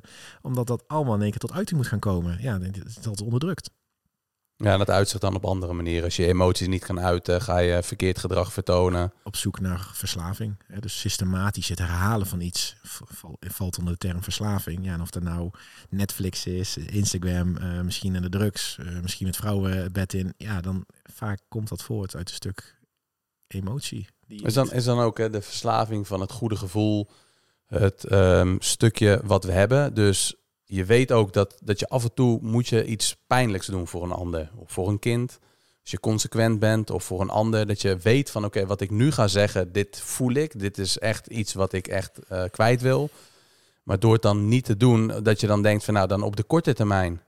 Uh, ja, ben ik even. Noem eens een voorbeeld. Uh, nou goed, ik, ik, gebruik dit voorbeeld. Ik vind ik uh, een van de makkelijkste in, instapvoorbeelden die ik vaak ook met klanten gebruik. Als je dat dan niet doet, en dan heb je dus kans dat je dus echt uh, ja, met voeding niet je resultaat kan behalen. Dus je blijft slechte keuze maken met voeding, omdat je niet trouw bent aan je gevoel. Stel je voor, jij komt te laat. Een slecht voorbeeld, omdat ik vaak te laat kom. Jij was een mooie tijd. Maar goed, stel je voor, jij komt te laat. Ik vind daar wat van. En ik denk ook, ja, maar ik vind het belangrijk dat Mark mij een aardige kerel vindt. Want ja, we hebben een podcast. Ik, uh, ik wil een goed gesprek met hem hebben. Ik wil niet dat het invloed heeft op ons gesprek. Dus dat is het vaak. Je bent bang voor het gevolg. Ja. Um, wat je vaak tegenkomt. Dus op een gegeven moment um, zeg ik dus niet tegen jou, ja, je bent te laat. Dus dat leidt ertoe dat ik dan uh, wat irritatie heb en niet trouw ben aan het gevoel wat ik heb. Ja. Uh, wanneer ik gewoon tegen jou zeg van, nou goed, ik, ik, eh, misschien reageert hij daar niet fijn op of voelt hij zich aangesproken, maar je bent gewoon te laat. Ik mag daar wat van zeggen, want daar voel ik wat van. Ja. ja dus dat, en, en dat leidt dan weer tot andere keuzes. Ik denk met kinderen ook, dat je af en toe kinderen bijvoorbeeld gewoon heel consequent moet zijn, want je wil dat je kind van je houdt, bijvoorbeeld. Nou ja, een kind zal altijd van je houden. Ja, dat, dat, maar dat is het hele punt ook. Dus dat we dat gevaar helemaal niet lopen. We hebben onterecht zijn we angst voor de reactie van de nou ander. En in, in deze voel ik heel erg dat we vroeger ook bang waren naar onze ouders toe. En nu voor de volwassenen is, hou het bij jezelf. Dus dat bedoel ik, als jij irriteert dat ik te laat kan, kan je zeggen van, hé hey Mark, het raakt me dat je te laat bent. En dan niet van, ja, jij bent te laat en dit, nee, want dan ga je bij een ander. Nee, houd het bij jezelf. Dus de twee uitersten vaak is of mensen zeggen het op een botte manier, of ze zeggen Van niet. pijn, projectie. Ik, irriteren vind ik altijd een godsgeschenk. Waarom? Omdat als je ergens aan iemand irriteert, is het eigenlijk wat het zegt over jezelf. Dus, dus uh, als je aan iemand irriteert omdat hij uh, altijd het podium claimt, de ruimte inneemt, uh, aanwezig is, dan, dan zeg ik ja, maar wat, wat, wat irriteert je? Jij neemt altijd ruimte en neemt podium. Oké. En zou jij dat ook wel willen? Nou, dan komt er vaak eens nee, nee, nee. Nou ja, uiteindelijk is het van ja, ja, ik zou ook wel meer de ruimte willen nemen. Ah, en dat triggert diegene in je, het spiegel. Alleen ik vanuit vroeger gaf dat ook altijd naar anderen. Je komt te laat en dit, ligt aan jou. Ja, en daar ben ik wel aan de slag gegaan om nu zoveel mogelijk bij mezelf te houden. Dus ook als ik kijk naar mijn e-mailcontact of het spreken, uiten van emoties, hou ik het bij mezelf. Hey, ik voel me niet prettig wat er nu gebeurt. Dan kan die ander ook niet meteen eroverheen klappen. Uh, dat is vaak wel wat er gebeurt als je ruzie hebt. Dan ga ik jou, ja, en jij gaat vreemd of jij hebt dit gedaan, weet ik. En dan ga je, kom je eroverheen. Nee, als je bij jezelf houdt, hey, het raakt me dat je gewoon altijd te laat komt. Vind ik gewoon niet fijn.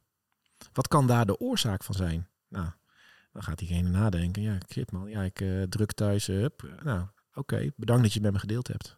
Ja, dan krijg je een heel ander gesprek, een hele andere dynamiek. Ja, maar je, je wil eigenlijk dat die ander gaat nadenken waar het mogelijk vandaan gaat komen. In plaats van dat je voor die ander gaat invullen. Want dat deden we vroeger met ons kind al. ja. ja, maar het is wel interessant. Hè? Waarom uh, vertonen wij ongezond gedrag? Waarom leven we niet ons mooiste leven?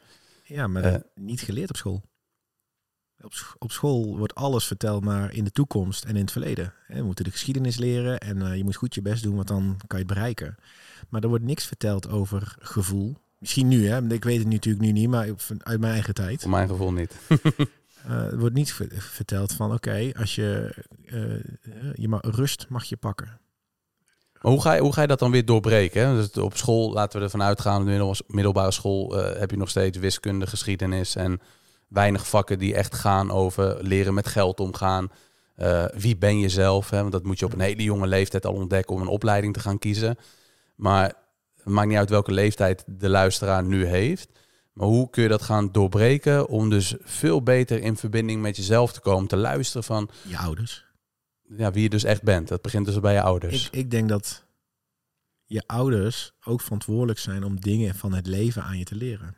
Dus hoe ga je met geld om? Hoe ga je met je relatie om? ook als je nu 30 of 40 bent. Nou ja, dan wordt al een stukje anders, want je leven verandert. Maar ergens voel ik ook dat heel het schoolsysteem wel een keer gaat instorten. Dat denk ik ook, ja. Ik bedoel, er is niet, niet voor niks steeds meer vraag voor thuisscholing. Ja. Als ik mij vraag, een stukje burn-outs, het opgebranden van het hersenen. Ja, op school moeten we alles onthouden. SEO's, toetsen, ja, en dan gaan we een baan doen. We moeten ook alles met ons hoofd. Ja, op een gegeven moment gaat die, krijg je kortsluiting. En heel vaak moet je daarna naar het gevoel om dat stuk burn-out op te gaan lossen. Of je kiest er inderdaad voor om misschien uh, naar bepaalde coaches te gaan die je kan helpen. Maar bij de meeste is het gewoon bij mij, die bij mij bij burn-out komen, mag ik gaan leren om naar het gevoel te gaan. En dat is ook niet gek, want als je trauma meemaakt, ga je ook meteen naar je hoofd toe. Want dan kan je het mooi verdraaien, wegstoppen. Dat is het overlevingsmechanisme wat dan ontstaat. Inderdaad. Hoe, hoe werkt dat? Kun je dat omschrijven wat er gebeurt als jij dus uh, een raketinslag hebt meegemaakt? Je gaf het net eigenlijk al aan en wat er met jou gebeurde, maar hoe werkt dat? Nou ja, hoe werkt dat? Ja, wat, wat het toen voor mij was, is ik voelde iets. Mhm. Angst, gewoon doodsangst. Ik voelde doodsangst. Ik weet nog dat mijn commandant riep en nu gaan we dood, want er kwam nog eentje, maar die zijn ja, niet afgegaan, niet anders uh, ver weggaan. Ja, en in mijn hoofd dacht ik elke avond, shit, zou vanavond maar wel fout gaan. Als en dan, hè. Als hij, als hij afgegaan was, wat dan? Ja, ik ben niet meer naar mijn gevoel gegaan, naar mijn onderbuikgevoel, intuïtie en dat. Nee, ik ben gewoon in mijn hoofd gaan zitten. Oké, ik ga het redigeren. Het is er niet meer. Het is niet meer. Ik ga sporten. Ga extreem sporten. Oh ja, ik ga ook voeding doen. Oh, ik krijg ook nog aandacht. Ik ga nog meer op mijn voeding letten. En op een gegeven moment heb je wel eens kans dat je hoofd op een gegeven moment zegt: en nu kappen we ermee. En dan, dan krijg je in mijn ogen richting een stukje burn-out. Dus daar begint het ergens mee. Het en op, op, opbranden, hè. het Ja. krampachtig vasthouden van pijn, ja, vreet eigenlijk al heel je energiesysteem leeg. Ja, en dan brand je op, letterlijk en figuurlijk.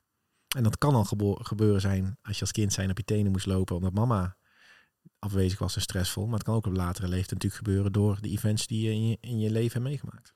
Ja, ik vind het ook wel mooi wat steeds meer in mijn trainingen naar voren komt. Is als mensen bijvoorbeeld jarenlang bezig zijn met voeding. En ga ik ervan uit dat zij dat echt wel in zich hebben om dat aan te passen. Maar dan is de, het aanpassen van je dieet, gewoon letterlijk van je voeding om af te vallen, ehm, te oppervlakkig. Nee, Dus dat houdt, dat houdt dan in, ja, we kunnen het wel gaan hebben over je calorieinname. Maar ja, er zijn zoveel zaken die spelen dat zeker. dat, dat het is gewoon eigenlijk ja, te oppervlakkig letterlijk. er is zoveel afleiding. Er is zoveel afleiding door de gecreëerde wereld. Hè, buiten om de saboteurs. Dus stel, jij wilt, stel, ik kom bij jou om, om af te vallen. En jij geeft mij de beste uitleg. En dan, wil ik, dan, ben- ik dedicated, ga ik voor. Maar vervolgens kom ik thuis en mijn partner die gaat wel elke avond naar eh, een restaurant of afhaal. Ja, dan moet je zo gedisciplineerd zijn om het stuk sociaal die je in stand wil houden, om dat ook te, door, te doorbreken. Van luister, ik kies nu voor mezelf. Het, het stoppen met roken vind ik al, die schaf ik ook al in de tijd dat ik nog met slaap praatte. Van, er zijn altijd mensen die willen stoppen met roken. Nou, fantastisch. Hè, want de wereld zegt nu dat het slecht voor je is. Nou, prima, mooi. Maar als je dan werkt en de collega's zijn 25 jaar lang gewend dat jij elke pauze beneden stond te roddelen terwijl je rookt. Ja, die gaan natuurlijk jou proberen te overtuigen om weer te gaan roken. Terwijl in mijn ogen zegt dat stemmetje meer iets over hun. Want die proberen voor zichzelf het verhaal te creëren. Als het hem niet lukt, dan kan, hoef ik ook niet te stoppen. Is net als met voeding. Hoeveel mensen, toen ik in, de, in die tijd van voeding... Ja, dan ga ik op een verjaardag en dan biedt iedereen me een pizza en een bier aan. Ja, omdat ze waarschijnlijk intern ook heel graag met voeding aan de slag willen. Maar als ze jou kunnen overtuigen dat jij het niet kan... Dan hoef ik toch zelf niet te veranderen. Dus dat scheelt. Het geeft, het geeft hun een fijne gevoel als het jou ook niet lukt. Ja, Anders is het heel confronterend. Het lukt jou wel. Je hebt een enorm succes behaald met voeding. Of ja op zo, het zo, zo, zo'n idee. Als ik nou ook naar mezelf hierin kijk... Ja, denk ik wel dat het zeker is dat het lekkerder voelt als iemand het niet lukt...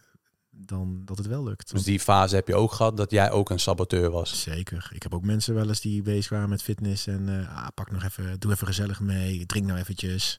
Ja, ja, ook uit, ook uit sociale druk. Hè, als iemand zei van ja, ik ga op tijd naar bed, ah, blijf nog even een mietje, weet je, ja, ja zeker. Ja. En, dat, het- en het is ook niet gek, denk ik, want in die puberteit wil je ergens bij horen, dus ben je ook gevoeliger voor die sociale druk. Ja, ik denk ook wel dat, dat wat ik het allerbelangrijkste vind is als mensen heel erg met anderen bezig zijn op een negatieve manier. Het een ander niet gunnen of aan het saboteren zijn of roddelen of gewoon negatief zijn in het algemeen. Dat er gewoon intern gewoon heel veel dingen niet goed zijn. Als jij dus echt gewoon hard hebt gewerkt aan jezelf, eh, zelf, je, je kan je energie maar één keer uitgeven. Ja, je geeft het of aan jezelf uit of je geeft het uit aan negativiteit, wat veel meer energie kost. Vaak als je op een positieve manier in het leven staat, dan, dan gaat je energielevels veel minder snel naar beneden. Dan wanneer je eigenlijk op internet eh, ja, een beetje je galp iemand gaat uitspuwen en dan ja, merkt ook dat dat heel negatief is. Maar die energie krijg je niet meer terug en die mis je dan zelf.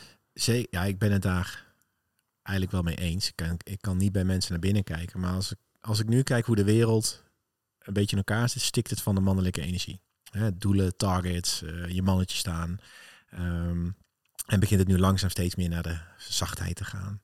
Maar als je opgevoed bent met overtuigingen, pijnstukken en het is je niet geleerd om daarmee aan de slag te gaan en je wilt absoluut niet naar je pijnstuk toe, ja, dan, en je gaat daardoor wat slechter eten, minder sporten, dan gaat je energie natuurlijk naar een lager, de, de laagste trilling of niveau wat er is.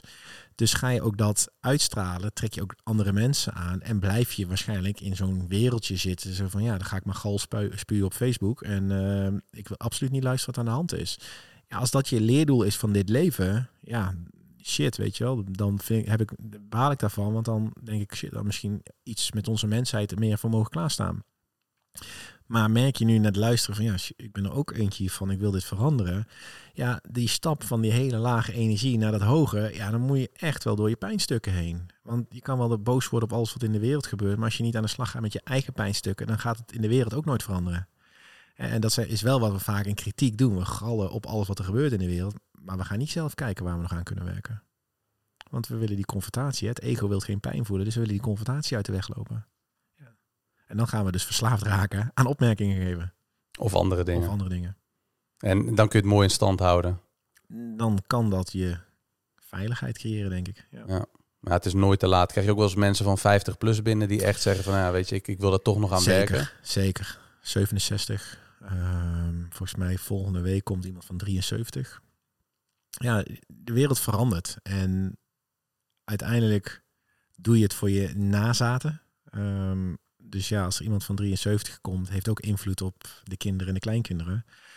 Um, en ik vind het wel mooi hoor, dat, dat er nu ook ruimte komt voor ook die generatie om daarmee aan de slag te gaan. Want ik kan me heel veel voorstellen in de intakes die ik gedaan heb en de mensen die ik gezien heb, dat ja, zij zaten zo in een andere structuur van opvoeding, eh, een stukje geloofsovertuiging, uh, wat er in de wereld gebeurd is. Ja, je moet wel een badass zijn om, om, om dat te gaan doorbreken nog op je, op je, op je 73ste. Vind ik echt heel tof. Zeker weten. Ja, ik vind dat ook heel mooi. Hoe oude en nog steeds mensen die, die dat willen veranderen. Ja. ja, en aan de andere kant denk ik ook dat, dat het ook goed is dat mensen het leven mee gaan maken. Hè? Dus mhm. jonge mensen gaan ontdekken, tegen de lamp aanlopen, voelen hoe het is om met relaties, weet je, al die, al die dingen. En dan uiteindelijk met coaching aan de slag te gaan om te kijken van, hey shit, ik loop altijd, gaat het fout, want mijn partner gaat altijd vreemd. Of ik ben bang dat mijn partner altijd vreemd gaat. Om er dan mee aan de slag te gaan. En, en, en, en omdat je ook dingen moet leren. Ik ben natuurlijk vader geworden. Ja, ik, ik werd in pijnstukken geduwd en inzichten en, en, en oncomfortabelheden waar ik mee aan de slag moest. Want ik vluchtte om met mijn zoon te zijn. Want ik was bang dat die mooie lookalike van mij, die spiegel, mij ja, in mijn pijn ging drukken. En nu kan ik van hem genieten. En dan denk ik, wauw, ik ben zo blij dat hij op de wereld gekomen is, want het heeft mij ook een stuk heling gegeven. Niet zozeer van, jij moet mij de liefde geven die ik niet gehad heb. Nee, ik ben met mezelf aan de slag gegaan om mezelf liefde te gaan geven. Maar je bent nu niet meer bang dat hij bepaalde eigenschappen die je eerder had, of bepaald gedrag wat je eerder had. Wel. Tuurlijk, ik, tuurlijk zal, zal hij thema's gaan aanraken. Voor hetzelfde geld wordt hij daar ook gepest. Om, om misschien bij mij, als ik die business nog niet uitgespeeld heb, om, om in die, nu misschien anders te doen. I don't know. Maar ik weet wel dat ik er, als ik ergens nu tegenaan loop, dat ik daar wel met mensen in mijn omgeving ga kijken van wat kan ik hier nu aan veranderen. En dat was nu, ik ben een militair geweest, trauma's meegemaakt, allemaal aan mezelf geknutseld, innerlijk kind geknutseld. Nou, ik denk dat ik wel duizend innerlijke kinderen onderhand heb. Uh, en uiteindelijk, toen ik dat stuk erfelijk familietrauma, dacht ik, wacht eens even, het is eigenlijk gewoon begonnen in de buik. Stuk rouw, niet van verbinding durven te zijn, koud zijn, uh, moeten overleven in, in een couveuse. Dus, dus moest ik daarmee mee aan de slag. Ja, nu vloeit dat. En ook mijn relatie is daardoor gegroeid. Want ik was bang dat mijn, mijn relatie altijd wegloopt. Nee, dat ging ik doen. Dus ik ging altijd weg. Want ja, lekker soort contra-indicatie. Oké, hier mag ik mee aan de slag. Nou, lieve schat, sorry dat ik zoveel van huis ben. Weg ben van het gezin. Maar ik ben eigenlijk knijten man dat jij weggaat bij me. Nou, en dan ga je daar, ik word er bijna emotioneel van, omdat het recentelijk is. En dan kan je daar weer samen aan gaan werken. Oké, ik ga bepaalde afspraken afzeggen, zodat ik thuis ben en mijn verantwoordelijkheid ga nemen als vader. En dat betekent dat jij nu als moeder ook weer lekker met jezelf bezig mag zijn. Het is wel heel mooi dat je dat zo hebt ervaren en daar, daar dan echt een, eh, ja, dat een plek hebt kunnen geven, maar ook je verantwoording in hebt genomen. Ja, ja, en dat mede door ook de mensen die ik begeleid. Dus de koppels die ik begeleid, de relaties, de, de, mannen, de vrouwen. Zij zijn ook allemaal spiegels voor mij. Dus soms vertellen ze me dingen en dan denk ik, oeh. Ik weet nog een heel mooi voorbeeld. Een, man die vertelde iets over zijn band met zijn vader. Van ja, en die vertelde iets van ik heb al pijn gedaan en ik laat niks meer van me horen. En toen dacht ik, godverdomme. Ik laat mijn vader ook nooit meer iets van me horen. Terwijl ik vroeger belde ik hem altijd op, weet je wel. En nu doe ik dat ook niet meer. En dan kan ik wel zeuren dat mijn vader niet, niet, is voor me. Maar wacht even, ik ben ook verantwoordelijk voor mijn eigen. Dus ik heb hem opgebeld, pa, ik ga beloven dat ik dichter bij je kom. En dat betekent dat ik je één keer in de week ga bellen. En ook al hebben we niks te vertellen, dan blijven we gewoon aan de lijn dat je gewoon je stem kan horen. Dat ik mis je gewoon, ouwe. Nou, toen dacht ik, jezus, hoe pijnlijk het was. Ja, en nu appen we, dan hebben we het misschien een keer over de Formule 1. Of, en ik zie je wel, ik ben ook verantwoordelijk voor mijn eigen proces. Want ik kan hem wel de schuld geven. Maar ook hij heeft een verhaal waarom hij zo gehandeld heeft toen ik kind was. Of, ja, en daarmee begint nu in mijn familiesysteem. Mijn moeder begint aan te werken. Mijn vader begint steeds losser te worden. Um, dus het is heel mooi om te zien dat doordat ik daar dus mee bezig ben, ook nu mijn werk van gemaakt heb, begint daar ook nu. Mijn moeder vertelt in één keer dingen wat er allemaal gebeurd is in het verleden. Mijn vader die begint ook wel meer los te laten wat er gebeurd is. Ja, vanuit het voorouderlijke werk met opa en oma al aardig gesproken. Maar het is wel mhm. heel grappig hoe dat nu dan gaat veranderen. En dat zie ik ook bij mijn sessies. Mensen komen met een verhaal. En één keer wordt ze opgebeld door mama. En die begint een heel verhaal te vertellen over de jeugd. Ja, dat was zus zo. En toen heb ik je per ongeluk laten vallen. En oma dit en de, de, de. En, en dan denk ik, ja, dit is toch zo gaaf. Dat is iedereen op zijn niveau gaat ook aan de slag. Ja, wat ik wel interessant vind, dat is ook het stukje waar wij nu de verantwoording over hebben, is onszelf. Maar ten opzichte van onze ouders hebben wij natuurlijk een enorme bron van informatie met internet, dat als je nu naar een psycholoog gaat, dat dat heel normaal is en heel bespreekbaar. En 30 jaar geleden was je dan knettergek. En internet had je niet. Ehm, dus die, die lessen die onze ouders konden leren, waren heel beperkt. Nou ja, door internet kunnen we veel van elkaar leren. We kunnen natuurlijk ook wel aardig gek gemaakt worden door, door, social, door, door internet, zo moet ik het zeggen. We worden ook steeds uitgedaagd om steeds gekker te doen. Ehm, maar wat ik voel, en als ik dan terug ga kijken, ook naar mijzelf, is ik wilde heel snel als kind naar een volwassen leven. Dus de verantwoordelijkheid en zorgen voor mijn ouders zorgen. En terwijl eigenlijk, nu ik vader ben, mag ik, ook, mag ik ook weer kind zijn. En dat is ook heel belangrijk. Wat, deed ik, wat vond ik vroeger leuk als kind om te doen, mag je ook gewoon nu als volwassene nog steeds doen. Alleen je wordt in een soort structuur geduwd van je moet snel verantwoordelijkheid en misschien een huis kopen en dit en dit. Terwijl, nee, ho eens even. Uh, ga, ga, ga ook eens leuke dingen doen. Ga eens genieten. En inderdaad, wat je zegt, hè, de ouders vroeger, ja, dat hoorde er echt niet bij. Want als je met een psycholoog sprak, dan uh, ja, was, je, was je echt gek. Maar heel vaak is er in die cultuur ook ergens nooit iets over gesproken. Ja, en ga die gesprek eens aan met je moeder en vader. Papa, man, wat is er gebeurd? Waarom hou jij niet. Eh, nou, mijn vader houdt bijvoorbeeld absoluut niet van kaas. Pap, vertel me eens, wat is nou die hekel aan kaas? Ja, is gewoon vies. Weet je wel, eerste reactie. Ja, en nu heeft hij me verteld waar het vandaan komt. Dan denk ik, ja, zie je wel, pa, hoe, hoe heerlijk is dat je dit gewoon kan vertellen met me. Weet je, het geeft heling. Ja. Maar ja, het wordt altijd in de doofpot gestopt om, om niet om bang zijn wat een ander ervan vindt. Of misschien ga jij dragen. Hoe laat je dat dan los, wat een ander daarvan vindt? Of, of hoe lok je bijvoorbeeld een open gesprek uit in plaats van een negatieve reactie? Nou ja, daar denk ik weer terug naar de ik. ik. Ik zie dat het je raakt. Zou je het met me willen delen? En je kan ook zeggen, of kom erop terug wanneer je er klaar voor bent. Maar weet dat, het, dat, dat ik dit ook nodig heb voor mijn leven. Hé hey mam, er zijn dingen gebeurd. Hoe heb je je gevoeld toen je zoveel miskraam hebt gehad? Ik kan begrijpen dat het heel veel pijn heeft gedaan, mam. Ja, zei mijn moeder. Dit heeft zeker pijn gedaan, want ik was ook bang dat ik jullie weer ging verliezen. Oké. Toen dacht ik, hey, mijn overtuiging, angst van verlies. Zal zomaar van mijn moeder kunnen zijn die ik bij me draag. Shit man, bang om dood te gaan. Ik heb ook uh, gedachten op uitzending gehad dat ik bang was voor de dood. Zou wel eens van mijn moeder kunnen zijn. En zo, als je dat gesprek aangaat, ga je ook voelen wat zijn mijn overtuigingen, wat van haar. En uiteindelijk kan je dan, komt er ook heling. Want nu bel ik soms wel mijn moeder op, zeg mam, ik wil gewoon even naar je kijken man. Mis je echt wel hoor, dat je daar woont, want ze zijn geëmigreerd. Vroeger vond ik het niet erg, maar ik mis je. Zeker nu, nu, nu je oma bent. Ik vind het echt jammer dat mijn, mijn zoon je niet zo vaak leven kan zien. Ja. En dan kan het veranderen. Ja, het is wel, uh, wel mooi hè? hoe je dat vorm hebt gegeven, daar je vruchten van hebt geplukt, want dat heeft echt wel dingen doorbroken. En het haalt ook een beetje de oppervlakkigheid van het leven weg. Hè? Dus heel vaak ook, ja, wat, wat, wat bespreken we nou echt als we op familiebezoek gaan? En hoe vaak is dat dan ook niet een heel saai, um, ja, dat je het bijna vooraf kan invullen wat, wat de onderwerpen zullen zijn, dat het nooit echt uh, diepgaand is of dat we nooit echt onszelf kunnen zijn.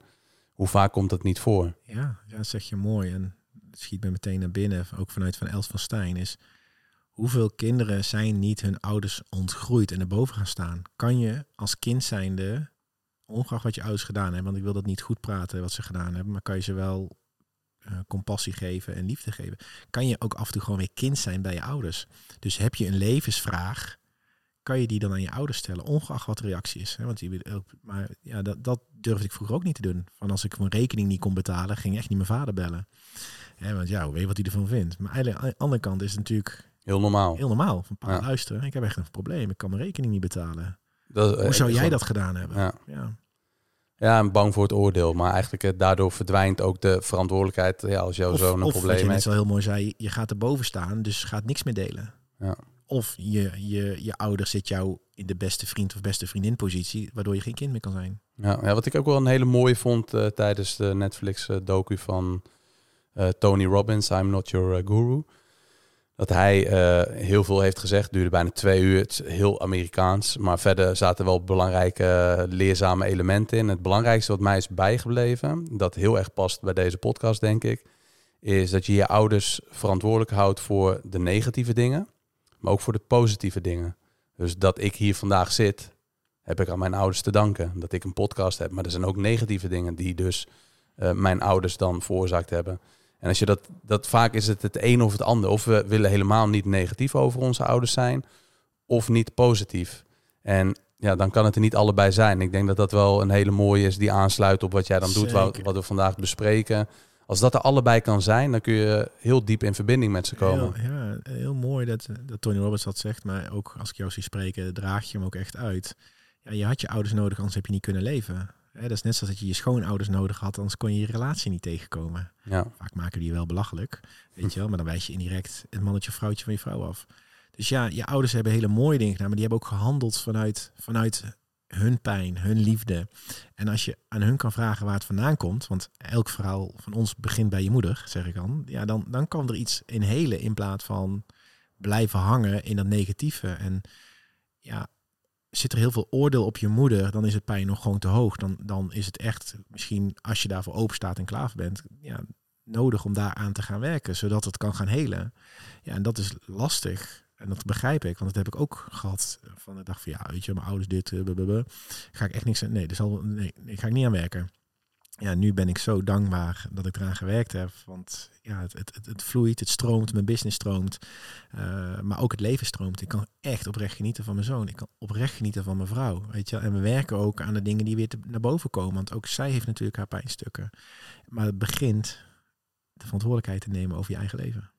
En iedereen heeft toch pijnstukken. Kan Tuurlijk. bijna onmogelijk. Iedereen is gatenkaas. Ja. Alleen laat je het gatenkaas blijven of wil je jong belegen worden. Ja.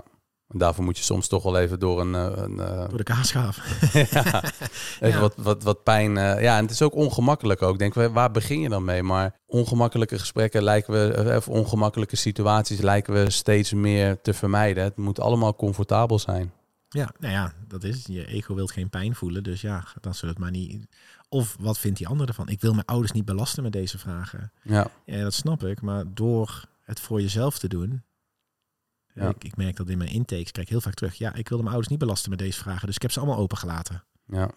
Ja, ik heb toch graag dat je met ze het gesprek gaat voordat je de sessie instapt. Ja. ja, mijn moeder is daar niet klaar voor. Oh, heb je te gevraagd dan? Nee. Nou, zullen we dan stoppen? Vraag het eens. Nou, dan stellen ze de vraag en dan komt er iets uit, een klein beetje of heel veel. Dus ik zie wel, ja. Maar bang voor het feit dat ik mijn ouders pijn doe met deze vragen. Nee, dat is niet de verantwoordelijkheid van een kind. Ja, dat is wel mooi. En wat heel veel coaches ook zeggen, ik weet niet waar dat ooit is begonnen, maar het is wel een hele bekende. Door altijd maar comfortabel te willen blijven, krijg je een heel oncomfortabel leven. En door af en toe de, ja, het oncomfortabele op te zoeken, krijg je juist weer een heel comfortabel leven. Uiteindelijk wel. Maar ja, alles, de geschiedenis herhaalt zich. En als je het niet aankijkt, dan haalt het je vanzelf in. En, en, en waarschijnlijk steeds heftiger. Ja, ja, dus je kan, je kan ervoor weglopen, maar dan onthoud je eigenlijk jezelf ook het mooist mogelijke leven. Dat mensen zeggen van ja, mijn leven is nu wel echt, uh, ja, ik vind het eigenlijk wel prima zo. Maar als je echt eerlijk bent, dan...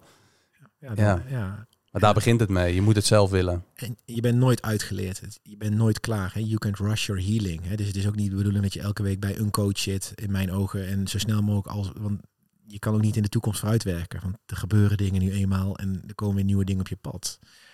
maar dat eerste kleine stapje kan het uiteindelijk wel gemakkelijker maken om er beter mee om te gaan. En of, of verbinding weer te komen, of uiteindelijk de juiste personen tegen te komen waar je gelukkig mee wordt. Maar ja, als je vanuit pijn en uit je loyaliteit bijvoorbeeld bij een of andere vriendengroep blijft, terwijl je daar niet meer happy mee bent, maar ja, je denkt, weet je wat, we zijn al zo lang vrienden, dus ik blijf maar. En je wordt elke keer belachelijk gemaakt. En je gaat er weer aan de slag en je laat ze dan los en je komt dan nieuwe tegen. Ja, dan wordt je tijd die je eenmalig hebt in dit leven, wordt dan veel nuttiger in plaats van jezelf de hele tijd pijn blijven doen. En hoe weet je, ehm, dat weet jij natuurlijk ook wel, eh, of je de juiste vrienden of partner hebt? Oeh, oeh. Ja, kijk, uh, ik denk dat het lastigste in het leven is relaties. Want niemand vertelt hoe het moet. en als je, in mijn ogen hoor je ook vaak verliefd vanuit een stukje pijn en vanuit verlangens. Dus je gaat ook iets halen. Uh, maar ben je bereid om eraan te werken? Ben je bereid, als je op iemand verliefd wordt, om de mooie en minder mooie dingen te accepteren en te werken aan de dingen die je ziet, je projecties, je, je pijnstukken? En denk ik dat stuk relatie ook verantwoordelijkheid is bij de ouders. Hoe gaan ze met elkaar om? En met vrienden, wat ik toen gedaan heb, is dat ik op een gegeven moment alle namen op ging schrijven van mijn vrienden. En in de tijd toen ik militair was, had ik heel veel vrienden, maar eigenlijk met niemand verbinding. En, en toen ging ik opschrijven, oké, wat vind ik positief van deze dingen? Wat vind ik minder? Waar irriteer ik me aan? Wat neem ik over? Wat kan ik van deze leren? En zo maakte ik een balans van, wil ik mijn tijd hier nog mee om laten gaan? Of is het gewoon voor nu even goed? En uiteindelijk heb ik ook besloten om met die mensen te zeggen van... hé hey, luister, we hebben een super mooie tijd gehad... maar ik voel dat ik verder mag. Oftewel die energie ook afsluiten... in plaats van stoppen met appen en uh, in de negeerstand. Nu zit ik in een fase dat ik best wel eenzaam in mijn contacten ben.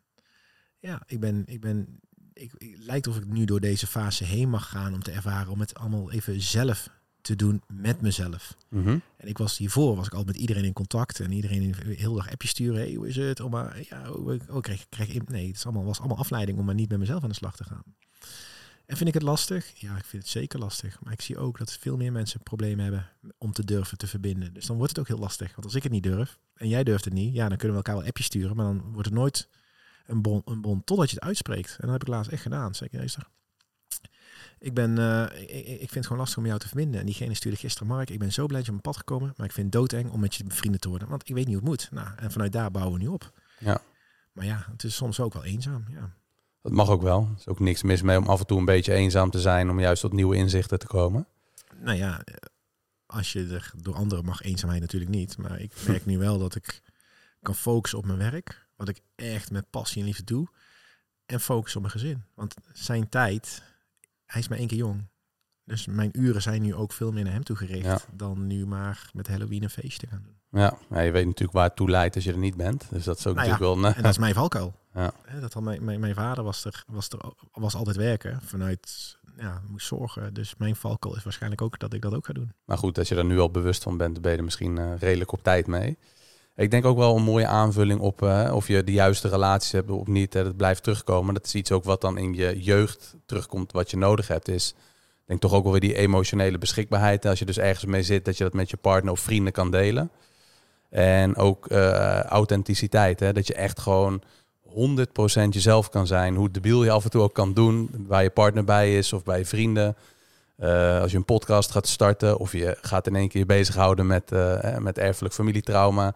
Dat je eigenlijk voelt van als ik dat met deze vriend deel, die gaat voor me juichen, 100%. En als hij dan zijn zorgen heeft, dan wacht hij gewoon op een mooi moment om dat dan later te delen. Maar ik denk dat dat, dat echt wel een heel belangrijk uh, stukje is uh, wat je voor jezelf uh, moet gaan ontdekken. Is, is kun jij echt 100% jezelf zijn? Weet je ook echt wie je bent?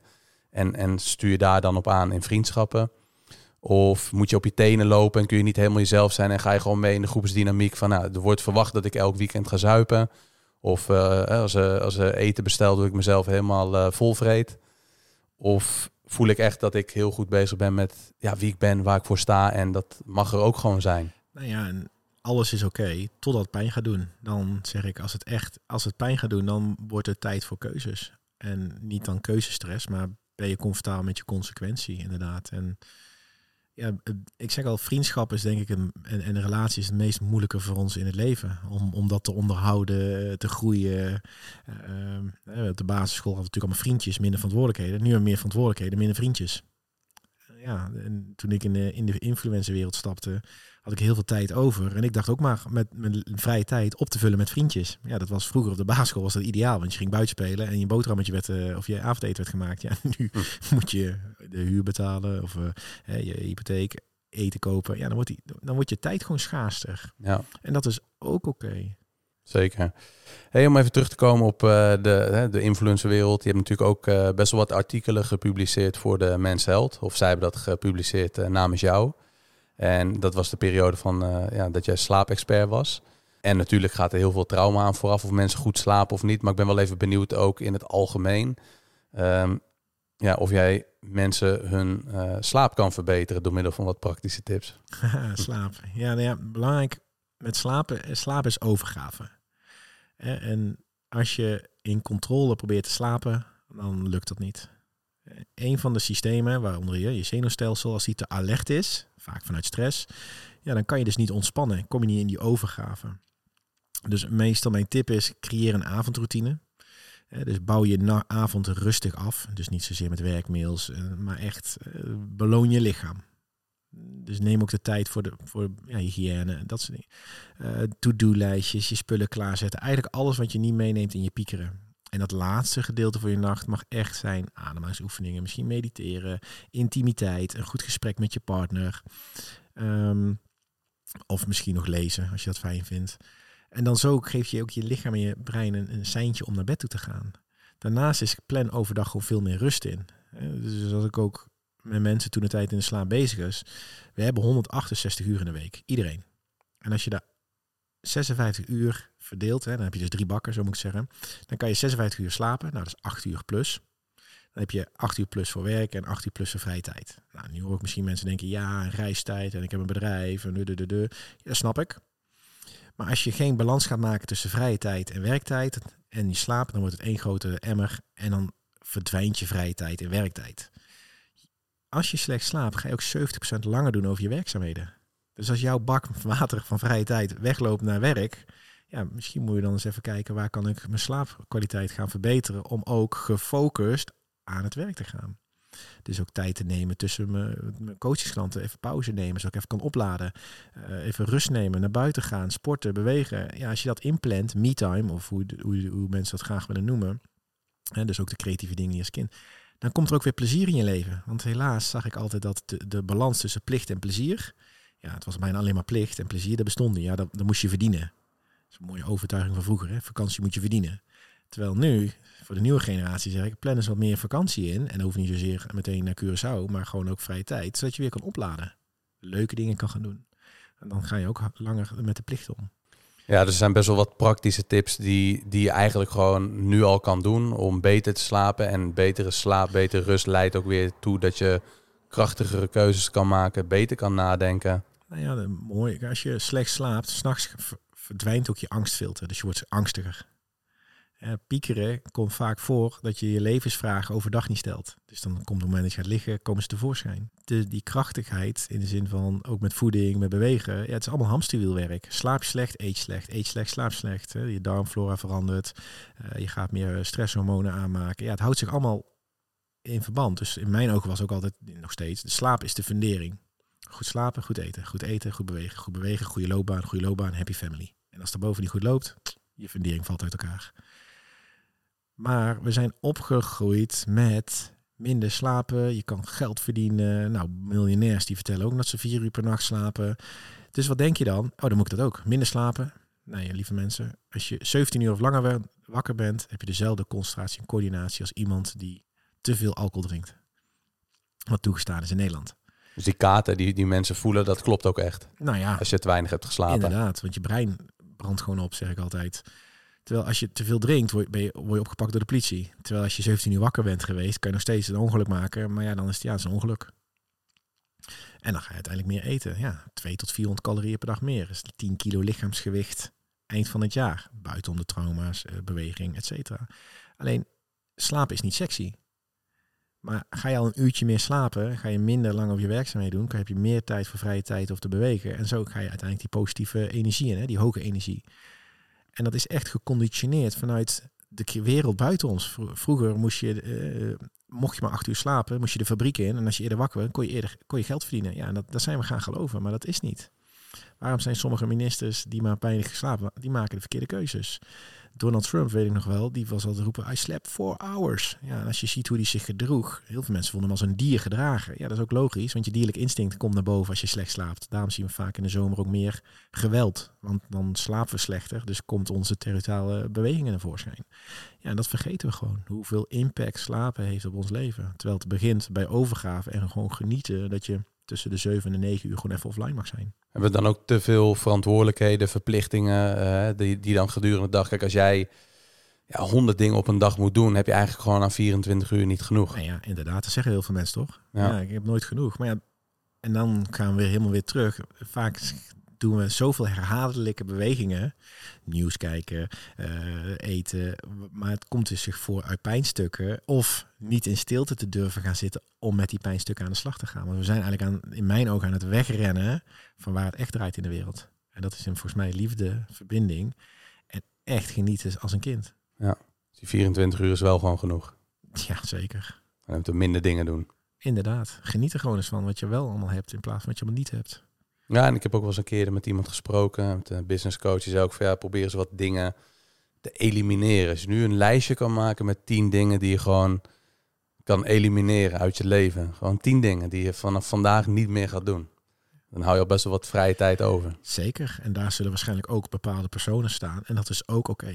En dat zal misschien dingen zijn die je kan delegeren in je bedrijf. Is ook oké. Maar even stop eens met overal die verantwoordelijkheid voor willen dragen. Want heel vaak komt dat weer uit het kindstuk. Dat je de verantwoordelijkheid draagt hoe mama zich voelde. Dus ben je als mijn gaten houden. Iedereen te vriend houden en alles zelf doen. Ja, nee. Als jij het niet doet, dan de angst dat het dan niet goed komt. Ja, ja maar laat iets op zijn, op zijn bek gaan. Toen ik in die slaap ging, ging ik ook naar bedrijven toe. En dan zat ik bij management en dan vroeg ik gewoon wie, wie doet hier werk die die echt leuk vindt. Ja, de helft die daar zat, die zat op de verkeerde werkplek. Maar vanwege financiële waarde hadden ze zich daar neergezet.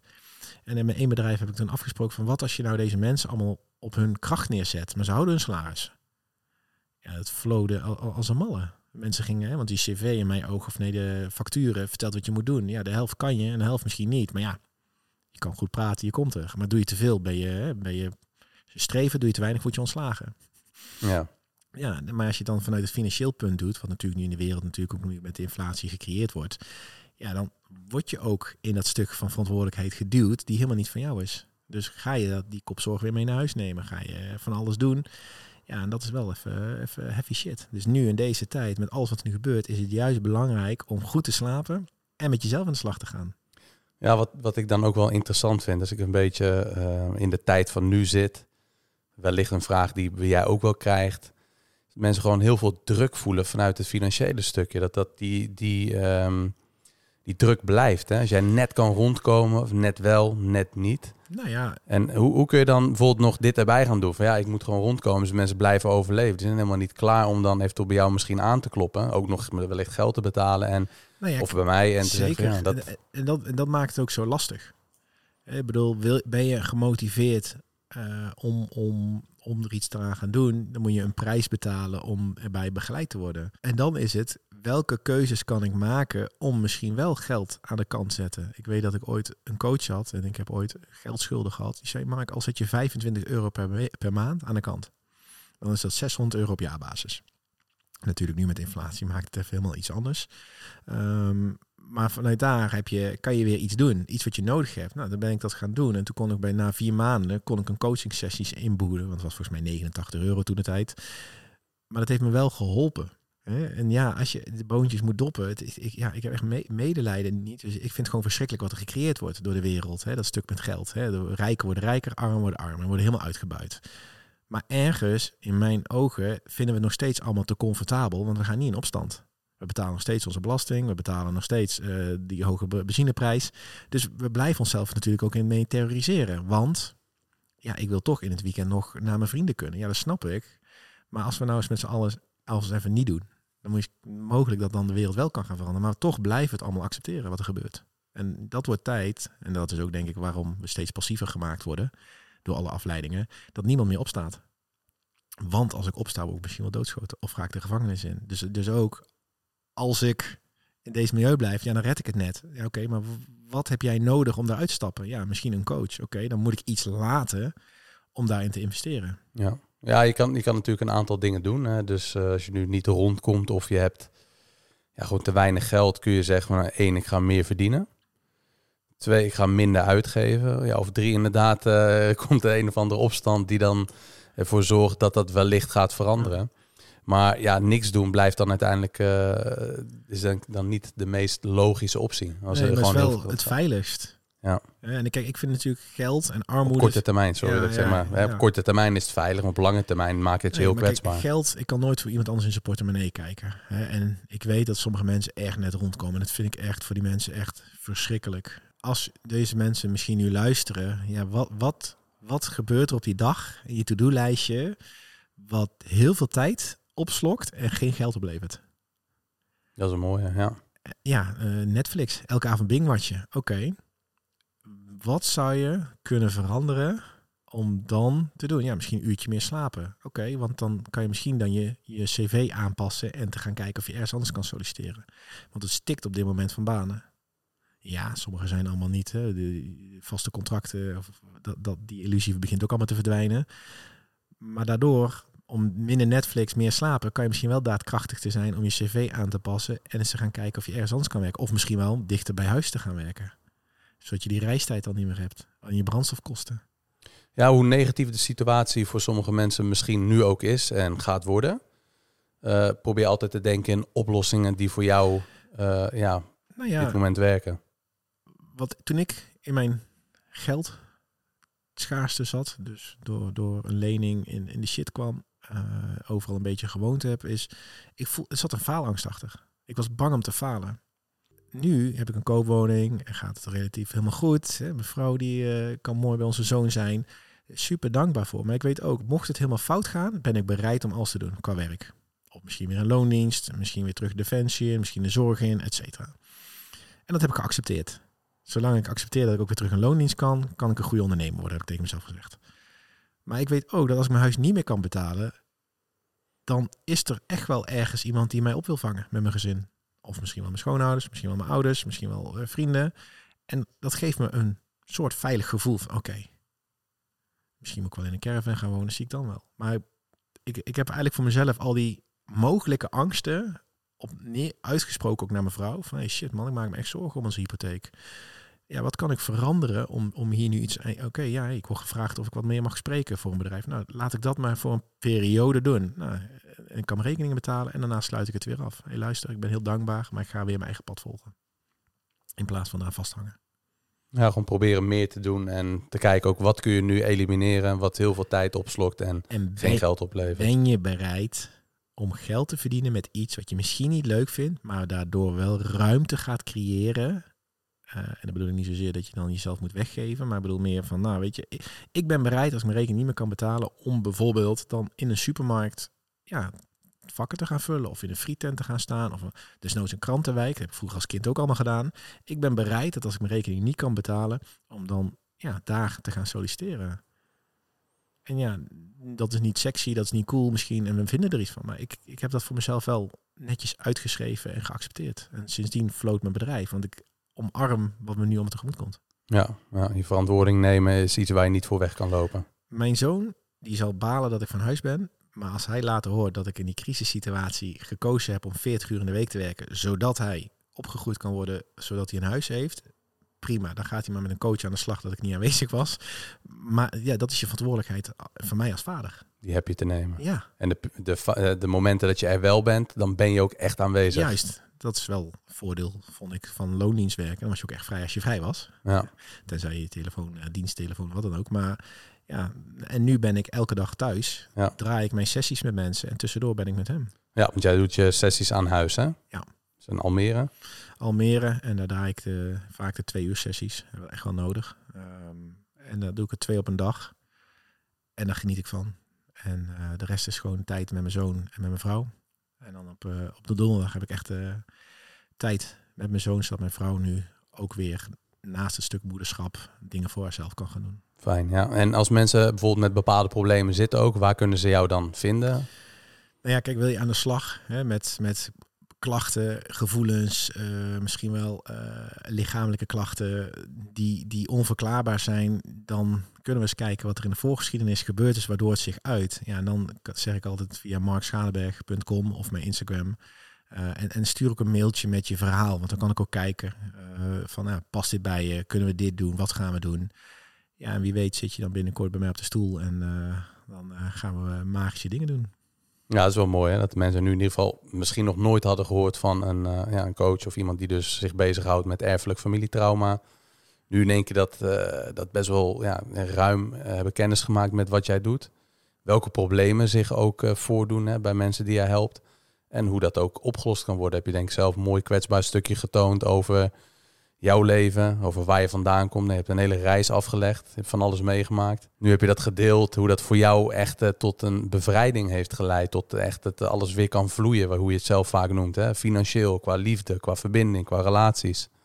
En dat dat ook wel eens anders is geweest. Zeker, en daarom zijn wij weer bij elkaar gekomen. Precies, nou, een jaar of tien denk ik. Nou ja, de tijd toen ik toen kende, zat ik in mijn macho en, en, en ik wilde influencer worden. En ik keek, iedereen gaf ik de schuld.